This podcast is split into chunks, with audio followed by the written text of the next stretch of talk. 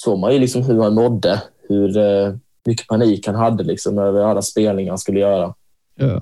Och att han kände att han han var inte längre riktigt en människa, liksom så här, utan han var bäst bara en produkt som skulle åka runt och liksom ge pengar till andra.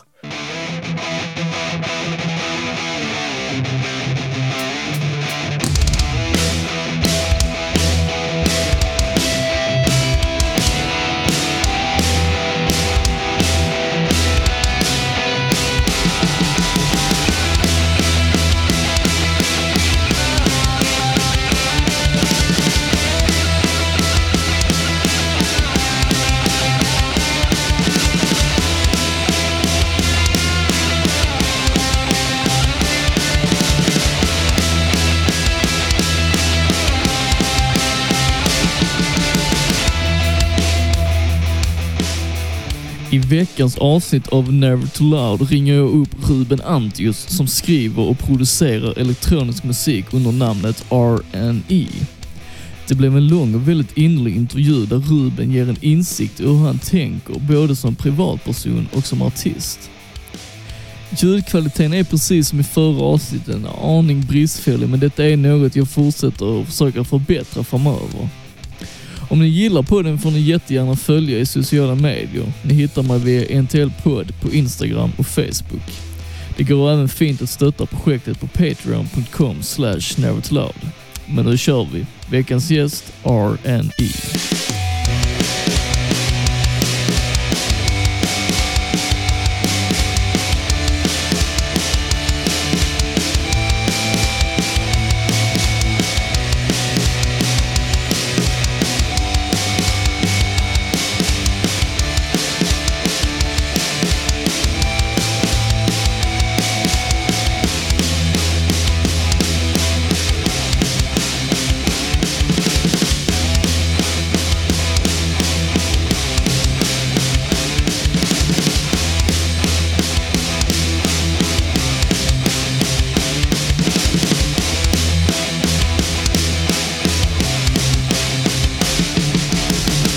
Van är du vid att bli intervjuad och sånt egentligen? Nej, alltså jag, jag är inte alls van egentligen. Detta är väl Ja. egentligen en av mina första tillfällen till det. Det är så? Eh, ja, alltså faktiskt. Om man tänker liksom åt eh, podcasthållet och sånt så mm, är detta den absolut första. Ja. Jag har ju inte varit så jätteaktivt kanske bland andra eh, musikaliska människor eller varit aktiv på det sättet. Utan jag har ju bara gjort min grej och släppt liksom det och sen försökt promota det så mycket som möjligt liksom, typ okej. genom sociala medier. Ja. Så det blir ju mer eh, ett självständigt arbete för mig i sig. Utan jag, jag har inte så mycket andra kontakter egentligen i sig. Nej, nej, nej, nej. Man får ju Ja. skaffa sig lite på vägen. Så nu är det din första podcastintervju vi, vi gör här. Ja, det är helt korrekt faktiskt. Ja, men det känns ju ändå hedrande faktiskt. Ja, men vad, vad kul att höra. Jag är själv hedrad att kunna bli inbjuden.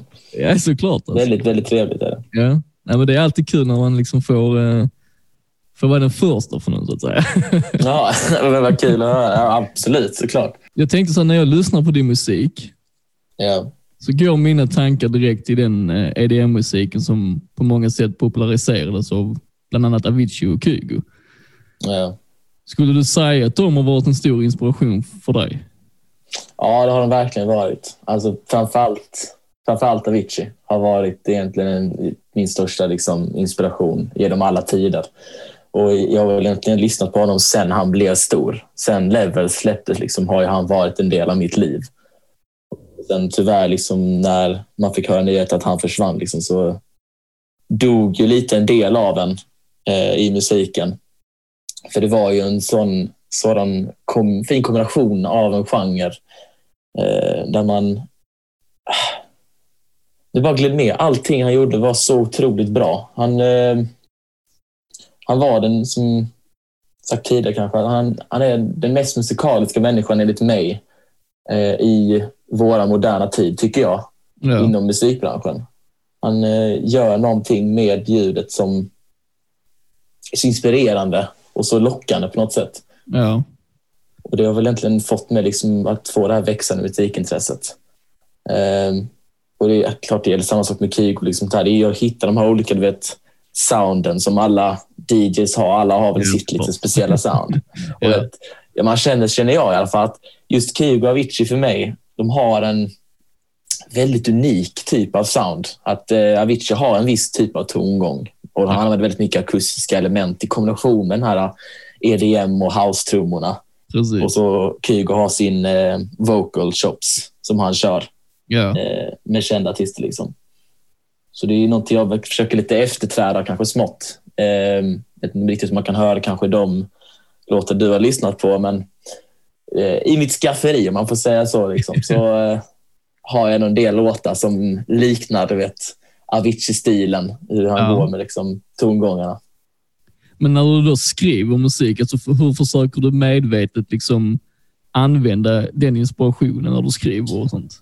Alltså det, det går lite på automatik, skulle jag ändå säga. Alltså jag vill, varje gång jag skapar en låt så känner man ju ändå att man vill ju ändå vara unik generellt. Jag vill ju själv liksom känna att det är mitt sound jag använder. Ja. Men på grund av att just den typ av musik är den jag gillar att lyssna på i väldigt stor grad.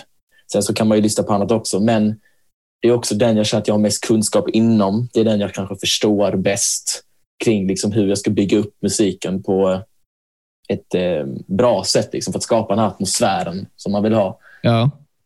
Och, eh, ja, det, det, kommer väldigt ofta upp att det går i de tongångarna som Avicii oftast har.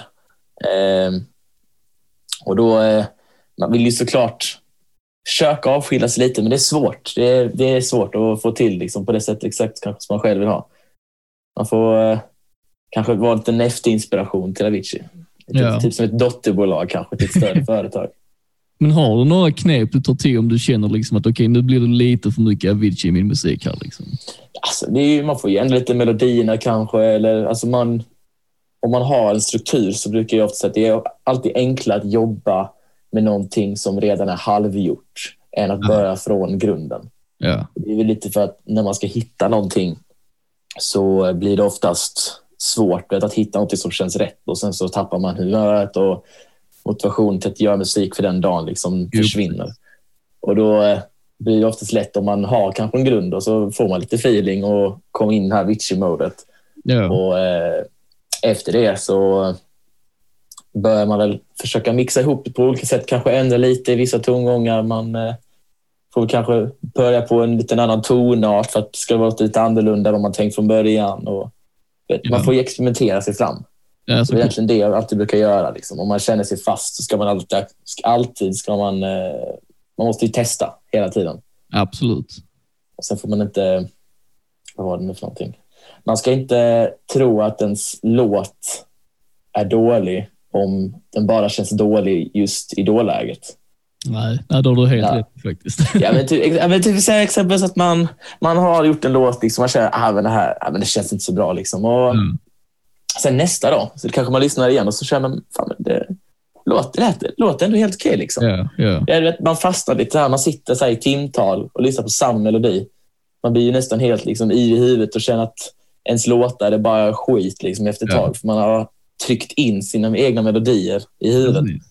Ja, man blir ju blind för att ens ha ett eget perspektiv på vad det är man håller på med. Liksom. Mm, ja, men precis. Jag, jag brukar ju alltid, eh, av de låtar som jag har släppt i alla fall, så brukar jag alltid vilja visa eh, låtarna i en färdig version inför liksom, föräldrar, kompisar. Ja, Vet, för att få en, en, något perspektiv på liksom, vad tycker andra liksom, om det. precis. Här, liksom, tycker de att det känns bra, att det känns professionellt? Liksom, finns det någon feedback de kan ge mig som de känner att det här behöver lyftas lite mer? Ja. Så då får man ju det här perspektivet som, man, som behövs. kanske liksom, för Man ska inte göra exakt allting själv. Då blir det lite svårt att få en tolkning på vad gruppen vill. ja, såklart. Men hur mycket påverkas du av andra, andra människors intryck på, på din konst, så att säga? Ja, alltså till en viss nivå eh, så gör jag det. För jag tycker aldrig fel att ta in ny information. Man måste ju alltid få någon form av ny feedback där man ändrar lite sig själv varje gång. För jag känner att men är man för självständig så tror jag att man inte riktigt kommer någonstans fullständigt. För att, precis, alltså att lära sig saker och ting generellt kräver att du gör misstag. Ja, ja Och absolut. då, då liksom känner jag att alla de låtar jag har gjort genom åren, som liksom exempelvis ligger ute på Spotify, jag tycker inte att alla de är jättebra låtar. Okej. Jag tyckte ju förmodligen att de var bra innan jag släppte dem. tyckte de var helt fantastiska. Ja. Men när man, vet, man lutar sig tillbaka och tittar, vilket också är ett bra sätt att kanske få motivation på, för då vet man kanske hur mycket man har utvecklat genom åren. Ja, att man faktiskt kan se utvecklingskurvan. Ja, men precis. Det tycker jag är jätte, jättekul att se. Liksom, när Ja. när skillnaden verkligen märks av. ja, ja precis. Nej, men när man, eh, när man lyssnar på de gamla låtar som jag har liksom kört tidigare, jag tycker ju en del av dem, egentligen, vad, vad gör de där? Liksom? Ja, okej. Vad, hur liksom tänkte jag när jag gjorde den här låten? Men det är ju för att när man väl börjar förstå musikens upplägg, struktur på ett djupare plan, så märker du mer och mer de här detaljerna som Ja. de flesta människor egentligen inte alls kan lägga märke till, men det höjer musiken så otroligt mycket. Precis. Precis. Jag vet inte om du har hört om eh, de låtarna som Avicii släppte långt innan han blev just Avicii. Ja, några stycken av dem har jag hört. Jag vet att det Ja. är någon låt som typ heter Snus. Som jag tycker är lite kul att lyssna på. Ja. Men det är ju, hans låtar innan Levels, han hade väl spår av hans typiska sound han använde när han faktiskt var som störst. Ja. Men till stor del var det ju mer det här klassiska house-trumman och en basgång som hoppar mellan varje liksom, slag. Ja. Så det var ju när han revolutionerade lite EDM-genren som eh, han exploderade. Det är ju det som folk gillar att lyssna på. Ja. ja, exakt. Jag tror du beskrev ganska bra även den resan han gick igenom där i början. Liksom att Ja, men precis. Han, det hans blir egen också, utveckling. ja, men precis, precis. Man får ju liksom en förståelse. Han kanske börjar med en genre som man också gillar jättemycket. Ja. Men när man väl hittar en genre som många andra gillar så blir det ju lite sånt att det här kommer bli ditt sound. Precis. Så får, får jag liksom en, eh, en låt som jag släpper liksom, och den blir jättestor så kommer jag ju mycket utgå kanske från det soundet jag har använt. Tänka liksom, vad är det jag har gjort som har gjort att den här låten har växt fram så mycket. Och sen fastnar du. Sen fastnar du förmodligen vid det och du tycker förmodligen att dina låtar som har mest liksom, streams kanske eller de som folk tycker är jättebra och lyssnar på liksom, det blir ju, för mig i alla fall, eh, bättre. Det är liksom låtar som eh, jag släppte med någon kompis någon gång, typ så för kanske ett år sedan i somras. Ja. Som min kompis tyckte var så otroligt bra. Och jag tyckte väl förmodligen från början att den var så bra, men han, han hypade upp den så mycket Okej. inför liksom både mig och liksom alla hans och mina kompisar. Så det blev ju någonstans en rolig låt att lyssna på. För att folk, folk blev glada över att höra den. Liksom. Framförallt då min kompis som eh, var med och gjorde låten. Ja. Inför detta så sa du till mig att du, du först inte kände att du hade någon direkt talang, men du ville gärna vara speciell inför dina kompisar. Ja, men precis. Vad kände, exakt menar du egentligen med det? ja, men alltså jag, jag hade väl ingenting egentligen att göra som jag kände att jag stack ut på på något sätt. Jag var väl främst i grundskolan i alla fall, för det var då jag började med musiken.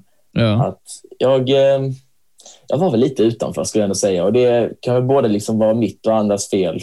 Eftersom att jag, jag var rätt så blyg av mig eh, i yngre dagar. Jag, jag ville liksom inte stå längst fram på scen hela tiden. Nej. Utan jag, jag njöt lite mer av kanske vara lite i bakgrunden. Tyckte det var jobbigt att hålla tal etc. Och allting som där man kunde typ bli dömd på något sätt Mm. inför andra, att du skulle prestera. Och när jag började liksom med musik var ju egentligen en ren slump. Eftersom att vi råkade ha Mac-datorer som eh, skoldator. Mm. Och då fanns exempelvis Garageband eh, på, den, eh, på datorn och jag, jag började liksom testa lite smått med det. Och Ja. sätta ihop lite loops med några melodier som redan fanns på Garageband som var färdigmixade och sånt. Ja, precis. Och då lät det ju jättebra. Ja. eh, när jag började göra. Då visade jag liksom det för några av mina kompisar. De tyckte jag var skitcool som kunde liksom göra, sätta ihop loopar och sånt. Men egentligen, alltså, vem som helst skulle egentligen kunna göra det. Det, det, det krävs inte så mycket. Liksom. Det är bara att söka upp någonting och så trycka in det i en loop. Precis. Men med tiden liksom, som folk stöttade det eh, så börjar ju intresset växa. Mm. Jag kände ju att jag har ju liksom spelat piano sedan långt tillbaka. Så jag hade ju ändå en grund kring vilka tonarter som passar med vilka, vilka ackord som brukar funka rätt så bra med andra melodier och sånt. Ja. Så det, grunden fanns ju där. Eh, men på grund ändå av att jag fick någon form av positiv respons Ja. eh, kring min musik så bara fortsatte eh, den utvecklingen, det intresset. Eh, så länge jag hade liksom tillgång till Garageband och fortsatte utveckla mig mer och mer och började ändå få helt okej, någorlunda bra låtar i Ja. slutet av nian. Men sen därefter så, eh, när gymnasiet började, så hade vi inte tillgång till våra skoldatorer längre. Och då, eh, man tappar ju lite när du inte har tillgång till programmet som du hela tiden sitter framför Ja, såklart. Det blir lite svårt eh, på något sätt. Så jag, Mm. Jag hade ju mer fokus på plugget under den perioden. Framförallt under i alla fall ettan och tvåan. Men eh, sen så hittade jag ändå ett program för jag känner att det, intresset började växa någonstans igen i Ja. trean. Och då, eh, jag vet inte om du har talas om programmet Soundtrap. Eh, inte så bekant på det. nej. Men det, det, är, det är en webbplats tror jag, så jag tror det är Spotify som äger dem. Okej. Eh, men det är i alla fall ett musikprogram där du kan, eh, alltså precis som Logic eller Garageband, liksom, sätta Ja. ihop, loopa, göra melodier, göra beats etc. Liksom. Okej. Eh, det var dock en lite sämre version, men det funkade ju. Ja. Och eh, då växtes det ju mycket till liv. Eh, och eh, sen fortsatte det under hela trean. Ja. Och jag ville ju så gärna eh, ha en Macbook igen.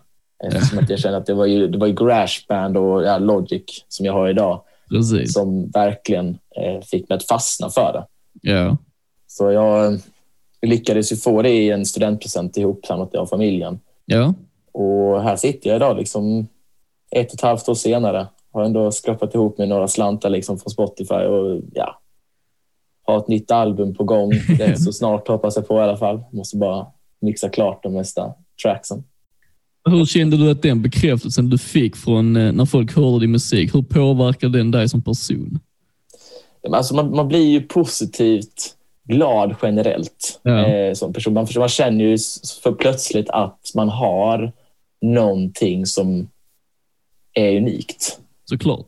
För jag tror ändå att de flesta människor, nu ska jag inte säga alla, men de flesta människor kan ändå tänka men de vill vara speciella. Mm. Även de som kan vara tystlåtande vill ändå ha någonting som är unikt. Det där finns ju Och- en mänsklig strävan efter det. Liksom. Det tror jag Ja, men precis. precis. Man, måste, man, man vill liksom ändå komma lite över liksom medel. Man vill Ja. kunna känna sig speciell. Ja. Och liksom, det kan ju vara för föräldrar, för kompisar, för liksom en större publik generellt. ja, absolut. Du vill, du vill sticka ut. Och för mig som person, liksom, jag tog ju till mig väldigt mycket. Visst, det gör jag ju idag också. Men framförallt då så var det väl egentligen mest den responsen som drev mig till väldigt stor del. Och det gjorde väl också under gymnasiet. Ja. Då, då visade ju mina kompisar där eh, vad jag hade skrapat ihop. Och där fick jag ju också liksom, respons, liksom, kanske lite mer eh, en ärlig respons. Ja. Mer, liksom, vad, vad kunde jag jobba mer på? Vad, vad var bra och vad var dåligt? Och då fortsatte bara den processen hela tiden. Ja. Det är än så idag, kan man väl säga. ja. Ja. Men tror du du hade fortsatt om du inte hade fått den positiva responsen? Om jag inte hade fått den positiva responsen?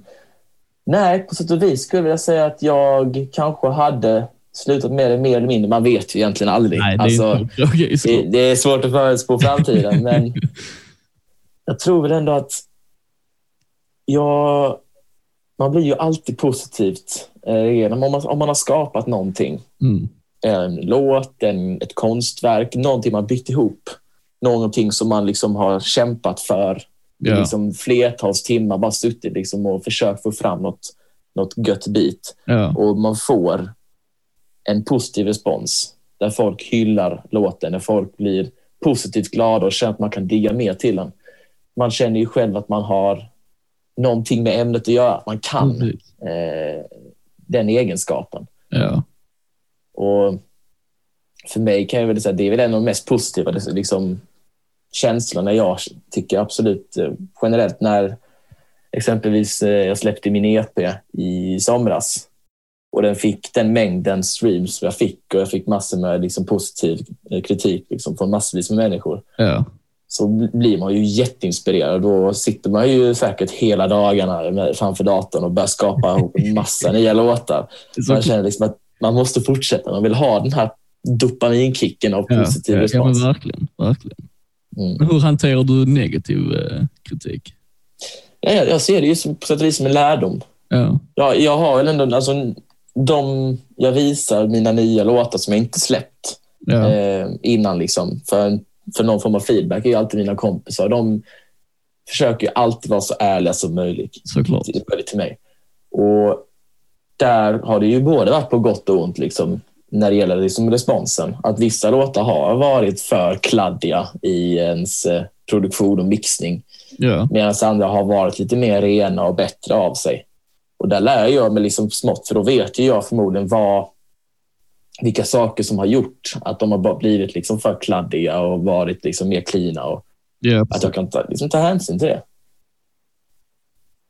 Så jag, jag ser det ju mest som en lärdom egentligen. Jag blir inte, jag blir inte eh, besviken egentligen på mig själv när jag får en negativ respons. Utan Mhm. jag, jag, jag känner liksom jag har experimenterat en hel del ja, jag vill egentligen mer om jag släpper liksom ett album på 10 till 11 låtar och sen så får man en rad med kommentarer att ah, men det här var det sämsta albumet du någonsin släppt. då, då kanske man känner lite, så här, lite ont i hjärtat. Liksom, så här, vad har jag gjort för fel? Liksom. ja. Eh, men man ska inte sluta för det. Man, eh, det är ju liksom inte just själva publiciteten som jag känner nu är roligast, utan det är ju att när man sitter där och man kommer på ett sick beat Ja, med en riktigt grym melodi liksom, och man känner bara det här kommer bli en världshit. Och så kanske det inte blir det, men det, det, känns, det, det blir ändå väldigt, väldigt, det känns väldigt skön, skönt liksom, att få den känslan att man, man känner att man är duktig på någonting. ja såklart. Ja. Och det är ju det jag sagt tidigare, liksom, som jag känner att det som gjorde att eh, jag började. Ja, Utan det, det är liksom inte, viss publiciteten gör den ökade effekten, men ja, känsla för mig själv när man sitter här typ två på natten helt plötsligt. Liksom, man har verkligen från sju, liksom efter eh, middagen, sitter man och frustrerad fram till kanske tio och så kommer bitet fram ja, som man längtat efter. Så kan man inte riktigt slita och sitter man där hela natten liksom, och Ja. tills man känner att mm, lite till. Jag måste bara Ja. mastera de här, de här liksom vocal chopsen lite extra. Bara. precis. Så skapandet är liksom en tillräcklig drivkraft för att du ska fortsätta egentligen. Ja, i nuläget känner jag faktiskt det. Ja. Och det, är väl, det är väl för att jag ändå fått känna lite på den här positiva responsen. Och jag märker ju ändå av att när man kommer till en viss nivå eh, av hur man vet hur en låt ska liksom produceras så börjar ju skillnaderna mellan låtarna att, eh, alltså kvalitetsmässigt då, Ja, bli, de börjar minskas ändå. Du, du liksom uppnår ändå tillräckligt hög kvalitet. Där de flesta låtar som du släpper, för du släpper ju förmodligen låtar som du tycker är bra. ja, jo. Och de känner väl ändå jag liksom uppnår den kvaliteten. Jag känner väl att exempelvis den EP jag släppte har jag säkert eh, låtit över ah, 30 pers liksom totalt sitta och lyssna igenom alla låtar liksom, för att jag vill få Ja. en riktigt god respons innan jag väl släpper ut det. Ja. Ja. Men är det för liksom att du är, är lite nervös på hur den ska mottas? Liksom? Att du vill ha... Ja, men alltså, klart, man vill ju alltid ha en positiv respons. Jag vill ju Ja, att jo, såklart. folk, men man vill ju såklart att ens musik ska liksom njutas på samma sätt som jag njuter liksom, när jag Ja. lyssna på min egen musik. Precis. Och kan den inte göra det, då blir det ju lite jobbigt liksom för en själv liksom, som man ska, ska släppa den. Jag har ju massvis med låtar på min data som jag mycket väl vet att de kommer aldrig släppas. Jag kanske tyckte annorlunda när jag väl gjorde dem, men Okej. med tiden så märker man av liksom att det kanske inte riktigt går.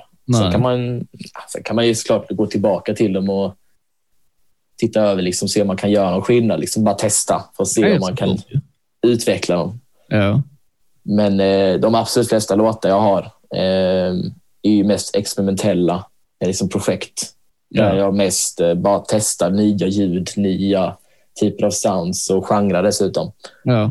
För att vet, kunna lära sig någonting. Man får göra lite misstag här och där och sen så kommer kanske ett antal låtar som faktiskt låter väldigt bra. ja, såklart. Ju. Och ja, det är ju, det är ju de som jag sen släpper. Men jag tänker om vi går tillbaka till eh, allra första början. Liksom, var väcktes ditt intresse för musik rent generellt? Ja, ja från en absolut första grund.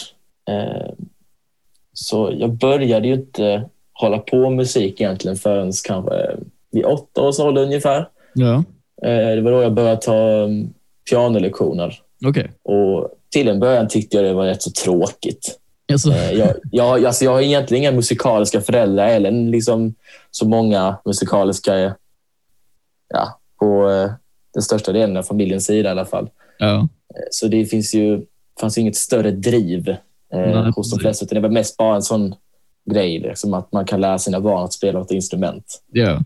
Eh, Men det höll ju ändå i sig och eh, det blev ju mer njutbart vet, man kunde saker. såklart. Jag, man kände sig lite som barn att när det inte gick liksom riktigt vägen, när det var någon låt som var lite för svår att spela eh, och man har övat kanske i två, tre dagar så känner man att det är hopplöst och då Ja, vill man helst sluta. Men det höll ändå i sig eh, med pianolektionerna fram till kanske runt 16 eh, Mm. då jag började fokusera mer på studierna under gymnasieperioden. ja, Men under den här perioden så ökade ändå musikintresset liksom med piano. Jag började göra mina egna låtar eh, akustiskt på piano. ja. Och, eh, någonstans kanske när, precis innan musikproduktionen började eh, så eh, kom, skrev jag ändå en komplett låt som jag spelade på inför hela skolan på en av skolavslutningarna. Okej. Och, alltså den blev ju, folk tyckte den var jättebra. Ja. Ehm, Men eh, sen var man, ju, alltså man var ju 13 år gammal, liksom, så man vet ju inte exakt kanske om de positiva responser man får är bara en respons, en respons för att man är 13 år gammal. Liksom.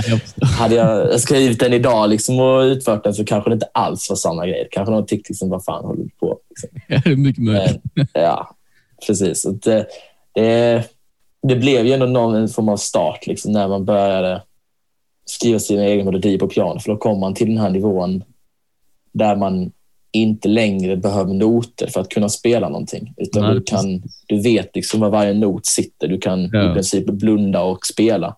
Ja, Och under gymnasiet, alltså det dog ju aldrig riktigt helt med musiken. Jag spelade ju liksom låtar som jag ville lära mig på piano under Ja. årens gång.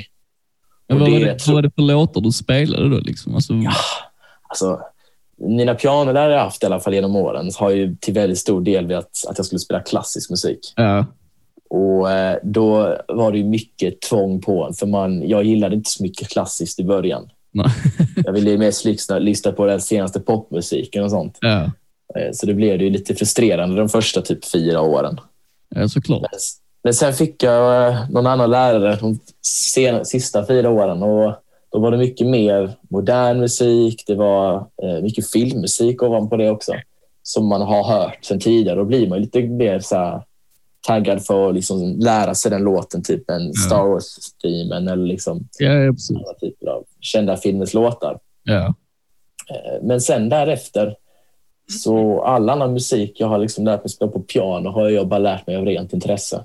Att okej. Man, eh, alltså, Youtube idag är ju egentligen bland de bästa eh, apparna idag för att Ja, kunna lära sig vilket instrument som helst nästan till. Ja, ja, verkligen. Och det är ju en, en hel del Avicii-låtar, om man får säga så, som man har lärt sig på piano. Ja. Eh, och det är ju av den inspirationen jag har fått såklart. Ja, Så jag såklart. kan väl tänka så jag måste ändå säga att musikproduktion i sig har väl ändå hållit sig vid liv på grund av att jag kan eh, spela ett instrument Ja, som då är piano.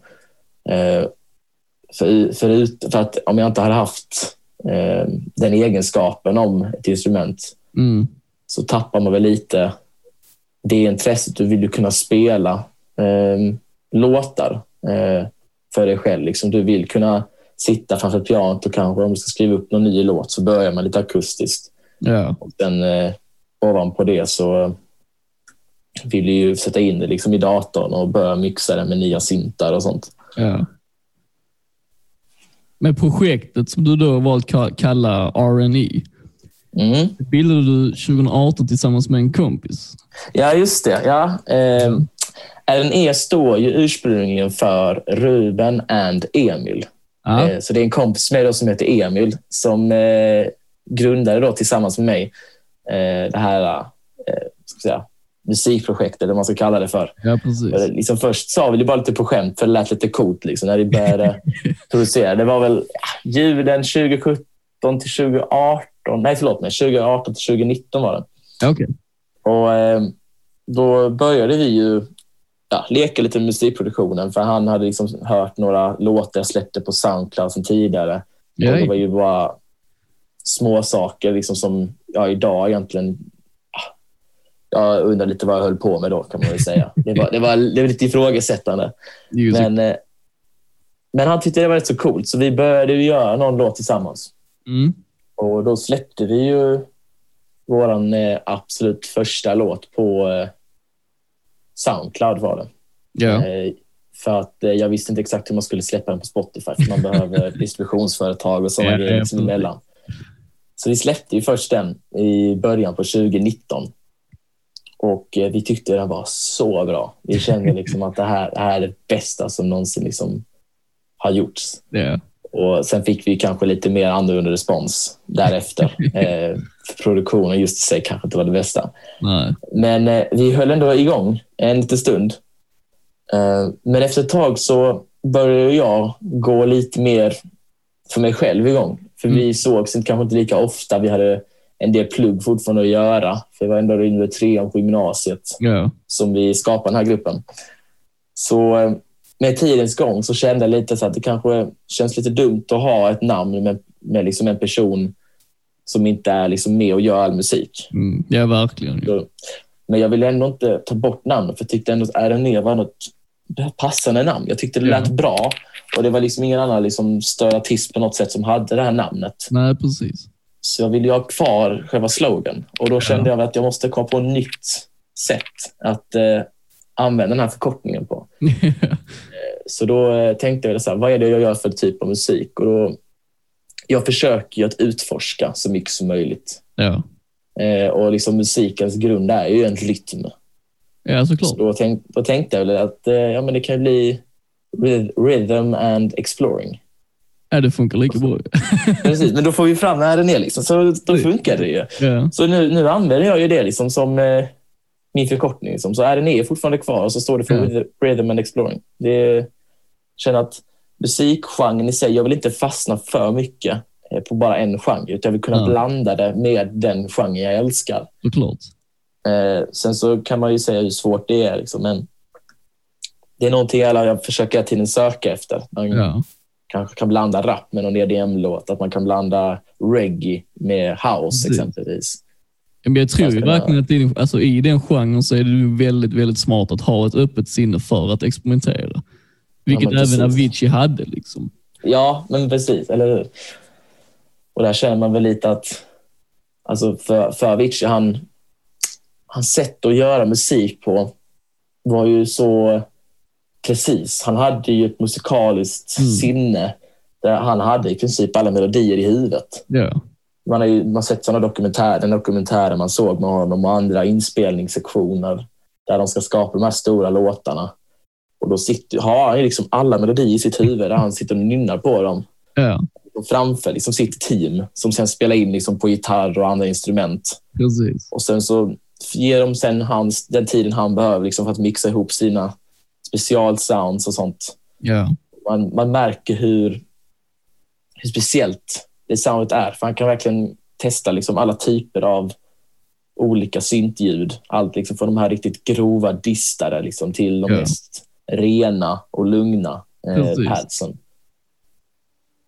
Det, är, det är någonting jag verkligen vill eftersträva. Alltså, Ja. Ja, såklart. Ja.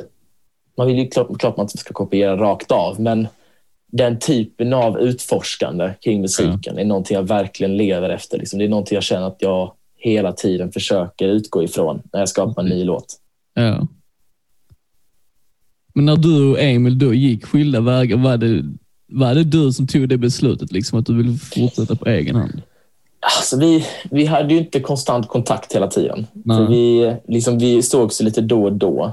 Under just under jullovet så kunde vi ses i princip varje dag. Mm. Därför att då var det ingen skola som pågick och då, vi hade ju förmodligen inga prov heller liksom, till vårterminen. Nej. Så då fanns ju den möjligheten. Men sen när skolan började igen så hade jag ju mycket att göra i skolan, men jag hade ändå min fritid liksom på kvällarna. Eh, Och vi, vi, tappade inte, konst- alltså vi tappade inte helt bort kontakten, men den här regelbundna bundna liksom umgänget där man kunde sitta liksom tillsammans framför datorn Ja. och göra musik, den försvann lite. Okej. Eh, till stor del liksom, för han skrev liksom några av texterna i början Mm. och jag sköt mest det tekniska därför att eh, han hade inte så mycket kunskaper om eh, just liksom logic i sig, hur liksom Okej. man producerar musiken, utan det mest liksom en rolig grej att göra tillsammans. Ja. Och jag kände ju själv att eh, liksom, när han var där liksom, och vi satt och liksom, testade fram lite olika synter, det var ju hur kul som helst. När man liksom, framförallt när man är två stycken, liksom, man kan se varandras reaktioner och någonting känns Precis. bra och någonting känns mindre bra. Men eh, ja, jag känner väl att det blev mer självständigt arbete för mig. Mm. Eh, och jag ville ju fortsätta och släppa så mycket som möjligt. Jag ville inte ta en paus bara liksom för att Emil kanske inte kunde eller Nej, inte var närvarande. såklart. såklart. Man vill ju ändå liksom kunna lyckas liksom med någonting man älskar att göra. Ja, ja, absolut. Mm. Så ja, det, det rann lite upp till sanden kan man väl säga. På grund av att vi kanske inte sågs tillräckligt ofta liksom, för att göra musik tillsammans hela tiden. Så det var mer bara en naturlig utveckling av projektet som gjorde att det blev så? Liksom. Ja, precis. precis. Och det var då jag liksom kände att jag ville bita lite på namnet liksom, för att man inte ska liksom lägga ut ett namn på någonting när man kanske inte kan stå för det fullständigt. Nej. Exempelvis. Nej, verkligen Då, behöver, då behöver man någon annan mening till det. Precis, men det löste du Ja. ju väldigt bra. Så det, Ja, men det var kul att höra. Men du, eh, alltså du mixar och masar allting själv så eller? Allting gör jag helt själv. Ja. Eh, Jag märker ju själv dock att jag inte har full koll exempelvis på hur man mastrar. Jag söker upp väldigt mycket på hur jag ska göra det på ett korrekt sätt. Mm. Men det Du är är liksom svårt. Du är helt självlärd inom det, liksom. alltså, så gott det går. Ja, det skulle jag säga. Jag har inte tagit några kurser eller någonting om hur man ska göra musikprodukter. Jag har bara testat mig fram och fortsatt utvecklas. Ja. Och sen det som har låtit bra har jag ju hållit kvar i och det som har låtit mindre bra har jag försökt ändra på. Precis. Och så fortsätter det hela tiden. Sen så vet jag ju själv att de låtar jag har släppt nu eh, är ju inte komplett master. Liksom. Jag skulle lätt kunna göra om dem lite grann liksom, i tydlighet på vissa instrument och sånt för att det ska få Ja. den här mer professionella känslan. Ja, ja precis. Så det, det går ju hela tiden i en form av utveckling. Liksom. Ja. Du släppte ju nyligen EPn Memory som vi har varit inne lite på redan. Ja, precis, Eh, precis. vad kan du säga om den? ja eh, alltså varför den exempelvis heter Memories, det är väl lite för att varje, varje låt eh, som jag har gjort Mm. Eh, och det gäller inte bara EPn, utan det gäller väl också alla andra låtar jag har släppt i princip med liksom en, mer, alltså en hel text. Ja. Handlar om händelser som jag har eh, tagit mig igenom. Okej. Eh, och eh, då om vi tar ett exempel. Eh, jag vet inte om du har lyssnat på alla låtar, men det finns en låt som heter eh, Reality Ja. som är med på EPn. Och den handlar exempelvis om att ens eh, kärlek kan man säga är inte personen du jagar, utan det är den personen som står rakt framför dig när du inte tänker på den. Okej. Och då menar jag väl lite att eh, utifrån de händelser som jag haft, att under trean liksom så var man väldigt mycket ute efter att hitta någon. Mm. Man kände liksom att jag måste liksom få en relation, jag måste liksom lyckas med liksom att uppnå det här. Liksom. För det var ju fortfarande lite under, under gymnasiet en form av statuskänsla Ja. som många hade. Men sen när väl gymnasiet tog slut så började man ju bli lite mer mogen av sig, om man säger så. Det blev mer fokus på en själv liksom, och man tänkte inte efter så mycket. Mm. Eh, Och ehm, Sen under den perioden så plötsligt hittar man den personen liksom man älskar. Eh, Och Det är ju samma person som jag har varit i en relation med nu i över ett år. Ja. Eh, Och det är ja, samma sak med en av de andra låtarna som jag har ju skrivit en låt om henne exempelvis. Ja. Eh, you, om du har hört på den också. ja, absolut. Jag har hört allting. Ja, ja men vad, vad kul att höra. Liksom. Så det, det, det går, går i period. Liksom. Så varje låt skriver jag liksom direkt från vad jag själv kan relatera till. Ja. För jag känner lite att du vet, alla låttexter känner jag ska man själv kunna förmedla. Absolut. Jag, det måste ju kännas liksom, väldigt relaterbart kanske på något sätt. Att man Ja. kan själv liksom känna den, den känslan. Precis. sitter man och skriver någon låt. Liksom. Jag känner väl själv att eh, låtar man ska sjunga om att man går ut på klubben och ska liksom hänga med grabbarna, dricka lite bärs och allt sånt där. Ja. Det blir, det blir lite svårtolkat känner jag. För jag det, blir, det blir så opersonligt. Liksom. Jo, men absolut. Jag håller med dig faktiskt. Det känns mycket mer levande på något sätt. Att Mm. ha liksom texter där man lever in i ett minne som man haft sedan tidigare. Ett misstag, en framgång, etc. Liksom något, något Mm. sorgligt, något glatt. Så länge det liksom handlar om någonting du själv kan liksom leva in dig i. Ja, Kanske har hänt. ja, ja precis. Eh, Så eh, känner jag liksom att det funkar rätt så bra. Ja. Jag tänkte på det för i och med att du nämnde den låten You. Mm. Eh, den har ett stick som påminner mig väldigt mycket om en gammal Noise-låt. Jaha. Ja, vilken är den från frågan?